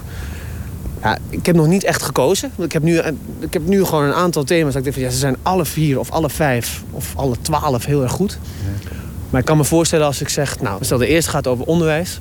Nou, dan moet ik dus op zoek gaan naar een school Ja. waar interessante dingen gebeuren. En waarvan ik kan zeggen, nou, laat mij zes weken als fly on the wall achter in de klas zitten. Ga je dat doen? Ja, tuurlijk. Ja, lijkt mij, lijkt mij super fijn. Ja, lijkt me heel goed. Vooral bij, bij dit soort voorstellingen vind ik echt dat je het zelf ook moet ondergaan. Dus als ik het goed begrijp, dan ben je van plan om deze stad helemaal te gaan omarmen. Ja. Je Ja. wil hier helemaal induiken. Ja. En dan hoop je dus die ene speld, of, of eigenlijk die boerenmeid te vinden. Ja, ja of meerdere boerenmeiden. Hè? Ja. En- ja, zeker. En, en, en dat, wordt dan, dat worden dan die voorstellingen. Ja. Vind je Rotterdam leuk? Ja, superleuke stad. Ja, heel tof. Heel tof. Ik ken het niet zo goed als Amsterdam. Ik ken Amsterdam natuurlijk iets beter. Wat, wat mij spijt, Rotterdammers, sorry. Maar er is nog heel veel om te ontdekken in die omarming. Ja, zoals... eh, Ik ken dit, dit niet, nou, want hier staan nee, dus nee, allemaal villa's vlakbij. Ja, maar dit park ken ik dan weer wel. En dit gedeelte ben ik dan weer nooit geweest. Daar verderop staat het Noorse kerkje, weet je wel. Ja. En, eh, nou, Museumpark volgens mij. Eh, dat is daar. Is nog iets verderop? Hier is- hier- en ja, dit is de Erasmus, dat ken ik dan omdat je er met de auto vaak langs zit. Ja. Ja, en daarachter is het museumpark. En, eh, Begin van de Maastunnel volgens mij. Precies, en dit park heet dan... En ik heb hier op dit grasveld gefrisbied. ja. ja, en dan verderop is het, eh, is het de oude OT. En natuurlijk de Euromast. Salatin Kirmisius was dat samen met Botte Jellema te Rotterdam. En hij eh, werkt dus voor het Rood Theater. We houden u daarvan op de hoogte hoe dat verder gaat. Nooit meer slapen.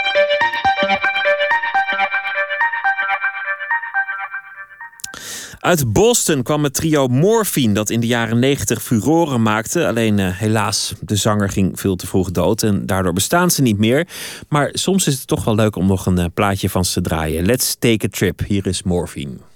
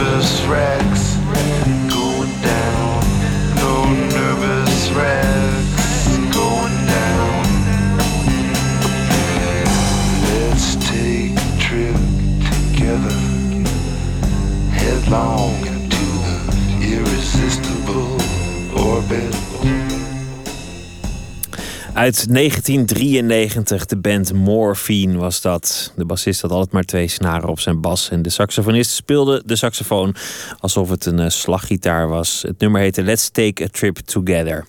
In de rubriek Door de Nacht vragen we mensen wat hen ooit in letterlijke of figuurlijke zin door de duistere nacht heeft geholpen.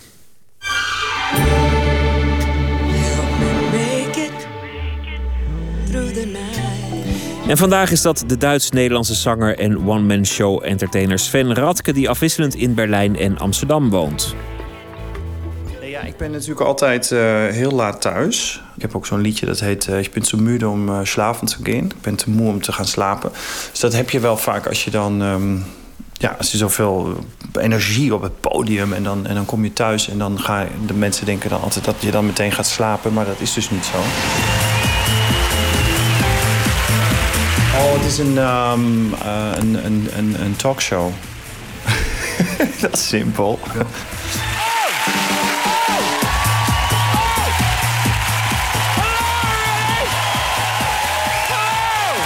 Ehm, Graham Norton.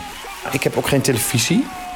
Maar nu kijk ik dus via eh, internet dan toch wel vaak eigenlijk het televisiegevoel.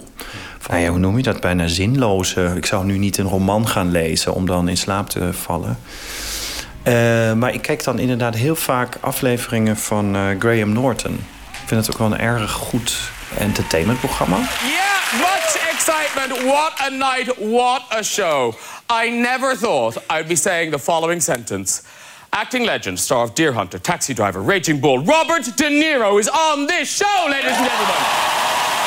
Een hele goede eh, houding heeft die man, vind ik. Hoe die met die, met die beroemde super... Dat zijn echt supersterren die er altijd komen. Het is een beetje zo'n huiskamergevoel. Natuurlijk heel eh vilain is hij en eh, super nichterig. Maar ehm, ja, hoe hij dan iemand als Tom Cruise of noem ze maar op die daar komen... dan toch niet belachelijk maakt, maar wel dat ze eigenlijk een beetje loskomen. Erg, erg vermakelijk om dat te zien. Hello, uh, is this Judith's mom, Gwen?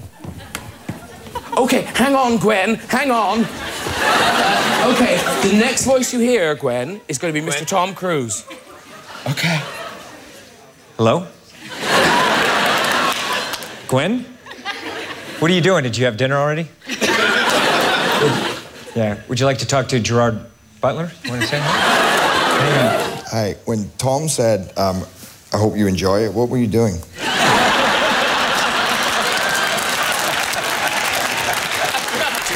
Ja, dat is een programma dus van de BBC.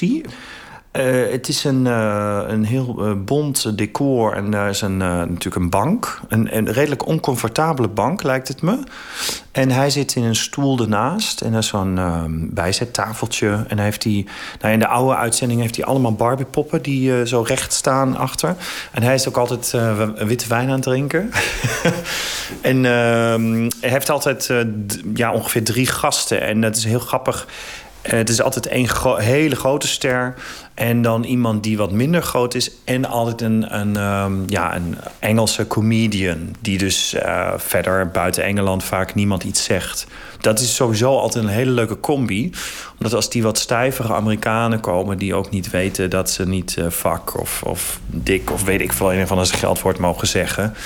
En die Engelsen die ja, corrigeren hun dan eigenlijk. En dus dat is altijd heel grappig. En daar zitten ook wel eens eh, ja, een hele dikke dame of zo, weet je. Die dan ook echt zo'n beetje volksachtige comedian.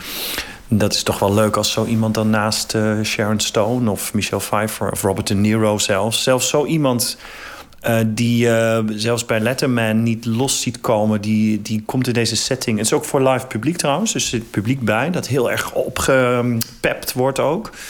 Hij doet ook veel met publiek. Hij is natuurlijk ook stand-up comedian geweest. En heeft ook veel theaterdingen gedaan. Dus dat... het is heel, heel fris en vitaal, vind ik. En dat ehm, helemaal. eh, En je, je denkt gewoon dat hij echt zo is. Of dat het allemaal wel gemeend is. Kijk, als die dan. eh, hij heeft een keer Madonna gehad, daar is hij dan een enorme fan van. En daar zie je wel dat hij ook nerveus is. Dus dat is wel heel bijzonder of zo. Dat, dat hij laat wel veel van zichzelf denk je dan zien. Hè? Je weet, ik weet natuurlijk uit de showbusiness is alles... eh, niets is echt. maar het, het lijkt heel, heel echt, ja. I mean, even if it's not a real person, just to imitate or have empathy with a state or a human being of any general. You were doing Chewbacca during the clip. Was I? In Sorry. time with the Chewbacca thing, just natural Well, knee that's, that's one of my favourite it. Chewbacca moments. It's just that. Ja, ik denk dat het een combinatie is van eh, enorm eh, charmant zijn... en toch heel erg eh, een beetje grof en, en. En door die charme en... Oh, sorry dat ik dat gezegd heb. Maakt hij, dat, maakt hij het eigenlijk mogelijk. En natuurlijk heeft hij wel een enorme status al bereikt. Ehm, dat ken geen, geen vergelijking eigenlijk. Ik, ook in Nederland inderdaad, in Duitsland ook al helemaal niet. Daar is het al veel stijver. Ik vind het gewoon heel leuk om naar te kijken. En geeft, geeft mij altijd zo'n energie ook. The famous red chair. So who's up first? Who's up first? Hello. Oh, hello. Goodness. En dan op het einde hebben ze ook altijd nog de, de red chair. En dan moeten dan mensen... dat is ook altijd heel gemeen met zo'n knop. Moeten mensen altijd een verhaal vertellen. En als het, als het niet interessant genoeg is, dan taak. Dan drukt hij op die knop en dan valt die stoel naar achteren. En dan vallen ze er eigenlijk af. Some neighbors had to peek from the, the other houses in the street, but didn't do anything. I wasn't following any of that. Misschien is het wel. Ik wil me nou helemaal niet met hem vergelijken, want hij is natuurlijk geniaal en zo. Maar eh, de, de, de energie is wel misschien een beetje hetzelfde. Zo van, hij komt op en dan pam en een power, weet je. Dat is bij mij natuurlijk ook. Ik weet niet, misschien is dat wel een soort therapeutisch voor mij om dan thuis te zijn en eigenlijk nog zo, ha, ik, ik zou nog een show kunnen doen. Maar ja, dat is niet gezond, moet je niet doen. Maar om dan wel eh, reflectie van die energie eh, nog een keer te zien.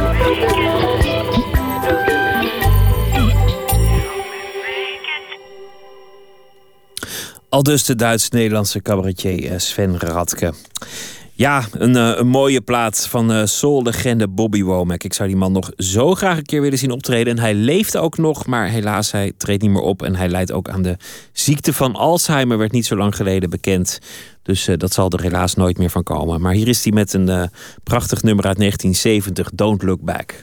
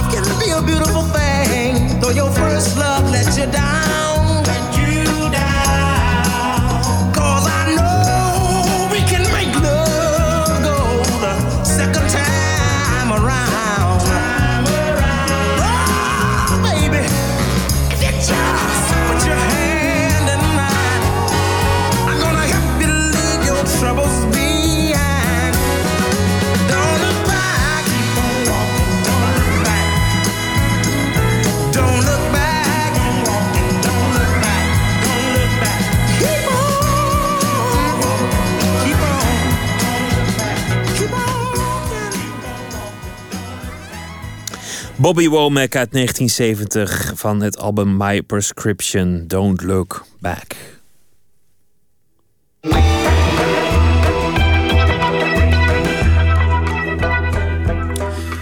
De VPRO op Radio 1 Nooit meer slapen. Albert Alberts is een begenadigd chemicus. Hij werkte samen met maar liefst twee Nobelprijswinnaars. En hij is ook de mede-uitvinder van het eerste biologisch afbreekbare plastic.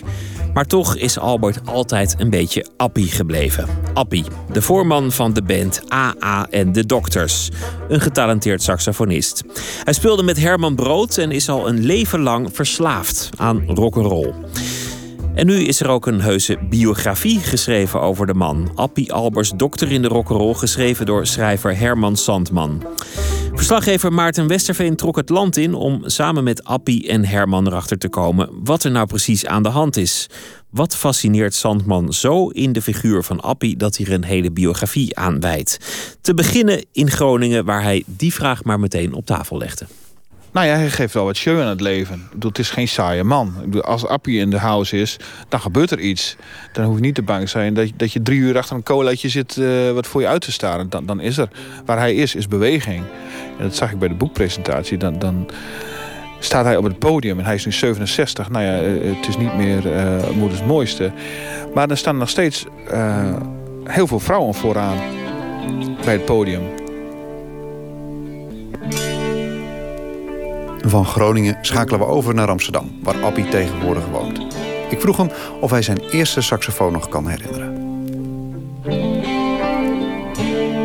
Jazeker. Jazeker. Een altje had ik bemachtigd via een advertentie in Groningen. Bij de een of andere postharmonie of zo. En eh, dat staat ook in het boek.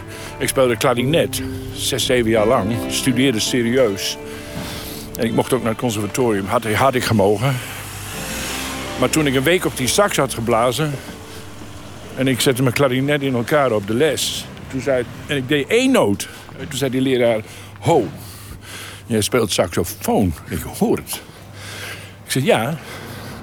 Net alsof ik naar een bordeel was geweest of zo... of eh, een fortuin had vergokt, of een, zonde. Gezondigd had. Fors. Ja, wat wil je nou dan?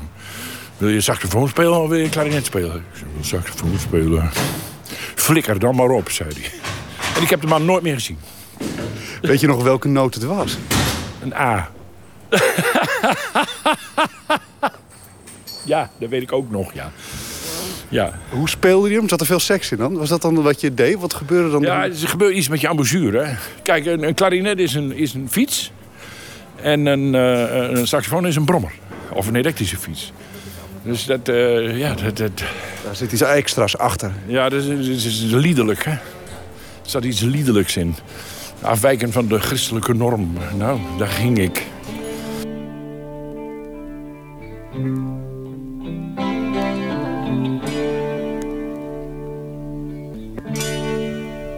Lopend door de oude Groningse binnenstad komen we aan op de Martini-kerkhof. De plek waar de veelbelovende chemicus uiteindelijk tot de muziek werd bekeerd. Recht voor ons, dat brede ding hier. Daar had hij zijn kamertje, dat rechtse raam. En ja, Herman Brood kwam dan gewoon door de deur en liep naar boven naar Appjes kamertje. En dan kroop hij in het dakgoot. Ik weet niet of hij onder invloed was, maar waarschijnlijk wel. En anders eh, zou ik dat niet durven. En dan liep hij gewoon over die dakgoot naar een openstaand raampje.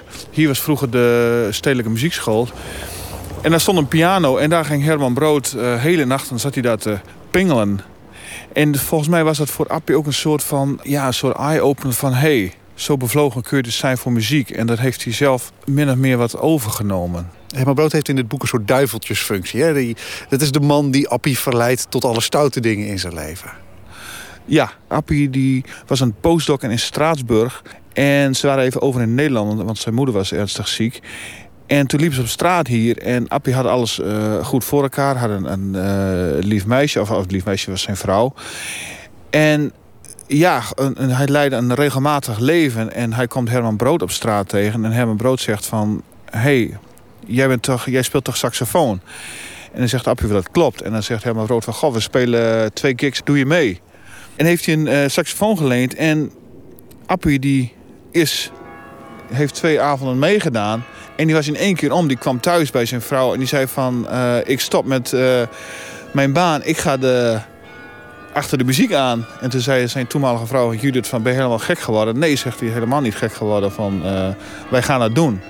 Ik geloof zelfs dat Judith, die had zoiets van... morgen moeten we een broek gaan kopen. En dan zei Appie, ik ga helemaal geen broek kopen. Ik ga met die makkers on the road. Op een gegeven moment moest ik een knoop doorhakken. Eh, toen ik 33 was, moest ik knoop doorhakken. Toen was het gewoon... eh, ja, wat wil je nou eigenlijk? Wil je gewoon zwieren? Wil je gewoon muziek maken en, en, en, en, en, en dat doen? Of wil je strak, strak in het stramien blijven lopen... en de saxofoon aan de wil gaan hangen, hè, zoals het heet. Wat veel jongens natuurlijk doen. En eh, toen moest ik kiezen. En toen heb ik gekozen voor de, voor de Rolling Stone. voor, de, voor, de, voor de zwier, voor de vrijheid. Ja. Maar je bent telkens, je bent, hè, je, dat, dat zwieren, dat blijft door. Want je zwiert ook weer terug. Je bent drie keer teruggekomen naar de academie. Nou, dat doen weinig mensen hierna. Ja, dat eh, inderdaad, toen ik eind jaren tachtig dan eh, min of meer aan een lager wal raak. Dat gebeurt namelijk als je muzikant bent en zwiert en je hebt geen hit. En je maakt het niet groot, ja, dan raak je aan een lager wal. En toen wou ik een ander vak leren. We moeten deze kant op, prima. Want eh, we gaan lopen naar mijn fiets. Nee, dan raak je dus aan een lager wal en eh, inmiddels ook aan de drank.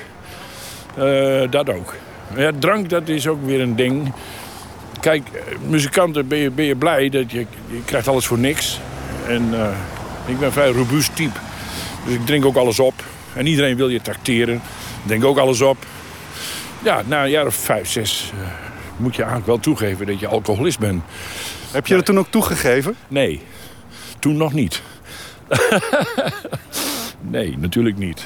Al die anderen drinken. Jij bent gewoon een levensgenieter. Nou ja, ik vind wel, als ik er nu op terugkijk eh, op het boek... Ik vind wel, eh, de drank is... is dat had ik... Nou maar ja, goed, de, de arts, de huisarts waarschuwde me daar ook voor. Mm, Ik vind wel dat ik te veel heb gedronken, ja. Ja. ja. En, en rare dingen heb gedaan op drank, ja.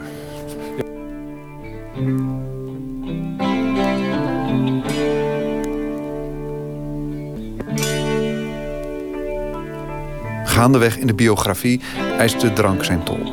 Herman Sadman spaart Appie niet in zijn boek. Stukgelopen relaties, onbetaalde schulden en teleurgestelde mensen. Ze komen allemaal voorbij.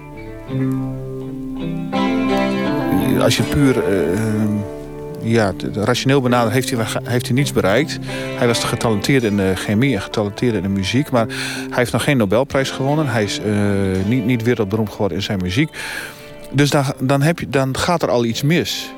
En dat, eh, ja, dat, dat blijkt dan ook wel uit dingen. Van, dan is hij ergens een... eh, hij maakt schulden. En hij betaalt die schulden niet terug. Hij kan eh, geld lenen van mensen dat hij ook niet terugbetaalt. Hij kan eh, mensen keihard afserveren. Op het moment dat hij, eh, als hij een relatie heeft met een vrouw... in het begin is het een, ja, eh, liefde uit, uit een sprookjesboek. Hè? Prins op het Witte Paard, dat idee. de mooiste vrouw ter wereld heeft hij dan. Op het moment dat hij verliefd is, dan is dit... Mooier bestaan ze niet. En zodra die liefde dan over is, dan, dan is het gewoon... ja, dan is hij niet meer geïnteresseerd. En dan is het gewoon einde oefening. En dan... eh, ja, hij blaft ze nog net niet af. Maar hij, hij kan dan... Gewoon, hij gaat dan gewoon weg. En dan bestaat zo iemand voor hem niet meer. Eh, eh, eh, faal je dan omdat je drinkt? Of drink je omdat je bang bent dat je gaat falen? En dan heb je tenminste maar de drank. Eh, basically komt het wel uit een, eh, ja, uit een teleurstelling, ja. Ja, en die drank, eh, die help je er wel overheen, ja. In eerste instantie. Wanneer snapte je dat voor de eerste keer? Dat die twee dingen met elkaar te maken hadden? Nou, dat is nog niet zo lang geleden. Dat is nog niet zo lang geleden. Eigenlijk, eigenlijk door het boek eigenlijk. Eigenlijk door het boek, ja. Ja, nou ja, ja, omdat ik dan gedwongen ben om er helemaal eh, te evalueren en op terug te kijken. Ja. ja. Dat moet een... eh, dat, moet een bijzonder moment ook voor jezelf zijn geweest. Dat moet toch spannend zijn geweest op een gegeven moment dat je dat, dat, dat, nou ja, dat, je dat op een gegeven moment doorkrijgt. Het moment dat dat gebeurt, dat moet toch een... eh, dat, Ja. dat zal niet makkelijk zijn geweest. Nee, nou ja. eh, nee, dat is niet makkelijk. Maar. Nee, natuurlijk, die conversatie is niet makkelijk. Maar. ehm, ik kan wel de drank heel makkelijk laten staan. Heb je het idee gehad dat je mensen moest gaan opbellen nadat je dat inzicht had gehad? Eh, nee. Nee, nee, nee. Ik, ik kan wel een cursus geven voor eh, anonieme alcoholisten of zo. Of, eh, of, eh, Nee, maar excuses aanbieden aan mensen bijvoorbeeld. Hè, dat er mensen in het verleden waren die je misschien ook in het boek dan Ja. opeens terugvinden. Je denkt van nou, die zou ik misschien toch nog eens eventjes moeten spreken hier over het een en nou het ja, ander. kijk, de grote liefde die erin staat, met mijn ex-vrouw Antje de Boer. Tuurlijk waarschuwt zo'n vrouw daarvoor. Die gaat zeggen van je drinkt te veel. Je drinkt te veel. En dan denk je, ja, ja, het is goed met jou. Dat is ook drank, weet je wel. Die drank, jongen, dat is, sorry dat ik het weer zeg. Aan alle kanten word je verneukt. En je denkt, ja, tuurlijk. Maar ze waarschuwen je wel. Ze waarschuwen je wel. Maar goed, in sommige academische kringen wordt ook heel veel gedronken. Nog meer dan in de rock'n'roll.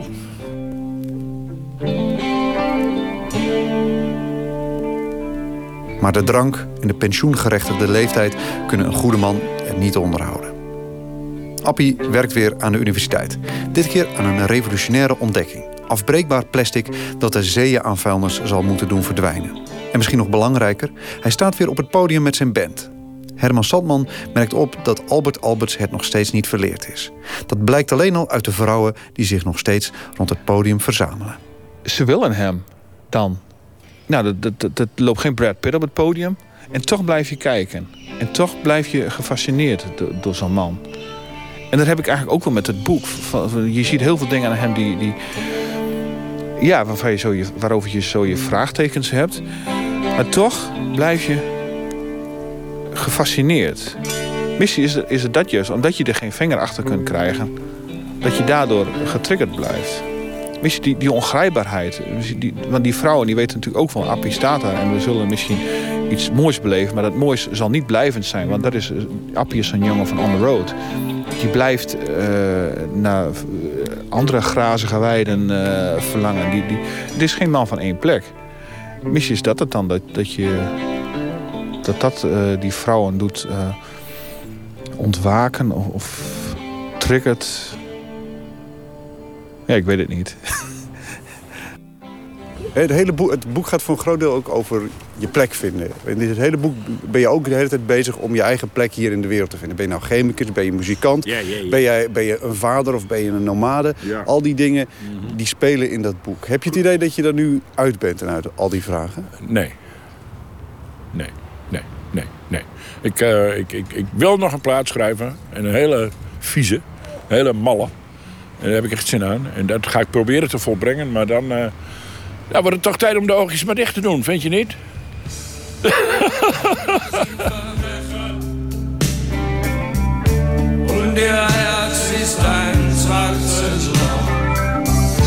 Alle Männer sind Verbrecher.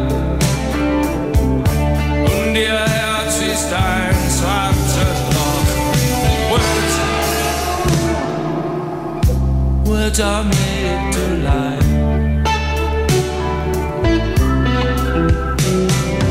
Words, words are made to lie. Words,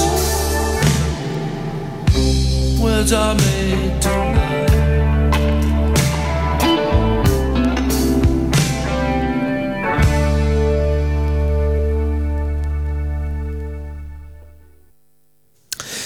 U hoorde Maarten Westerveen in gesprek met Herman Sandman en Appie Albers. En het boek van Herman Sandman, Appie Albers, Dokter in de Rock'n'Roll, is verschenen bij Passage. Who says I can't get stoned? Turn off the lights and the telephone. Me in my house alone. Who says I can't get stoned? Who says I can't be free from all of the things that I used to be? Rewrite my history. Who says I can't be free? It's been a long night in New York City. It's been a long night in Baton Rouge. I don't remember you looking any better. But then again, I don't Who says I can't get stoned? Call up a girl that I used to know. Fake love for an hour so. Who says I can't get stoned? Who says I can't take time? Meet all the girls in the county line. Wait on fate to send a sign. Who says I can't take time? It's been a long night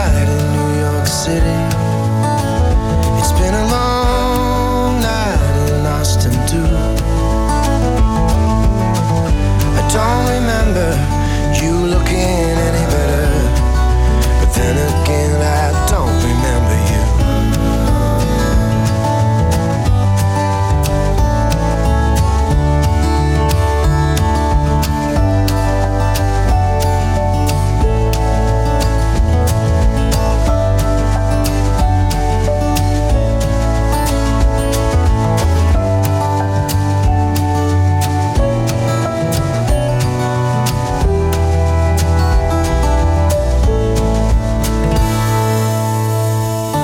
says I can't get stoned? Plan a trip to Japan alone. Doesn't matter if I even go. Who says I can't get stoned?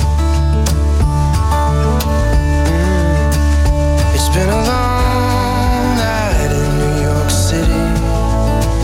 It's been a long time since 22.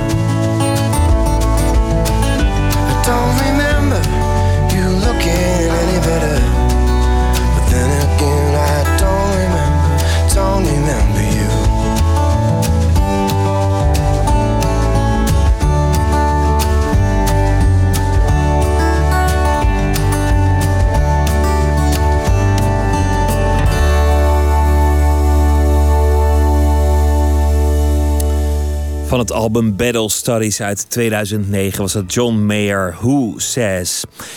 Dit was Nooit meer slapen voor eh, deze nacht. Morgen zijn we er weer. Morgen na middernacht kunt u luisteren naar Bonita Avenue, een nieuw hoorspel van 20 delen naar de gelijknamige bestseller van schrijver Peter Buwalda.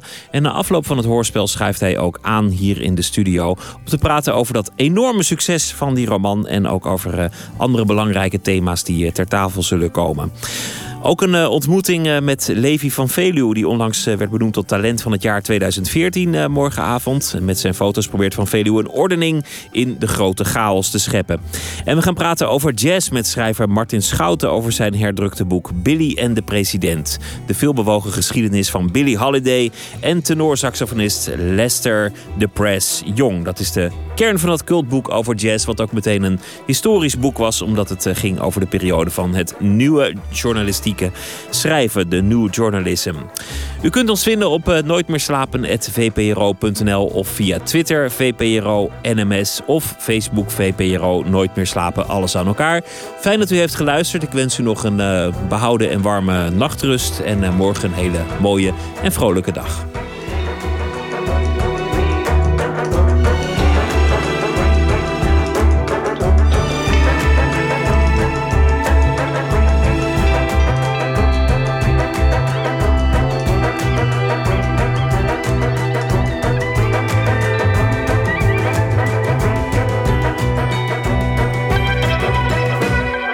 Radio 1, het nieuws van alle kanten.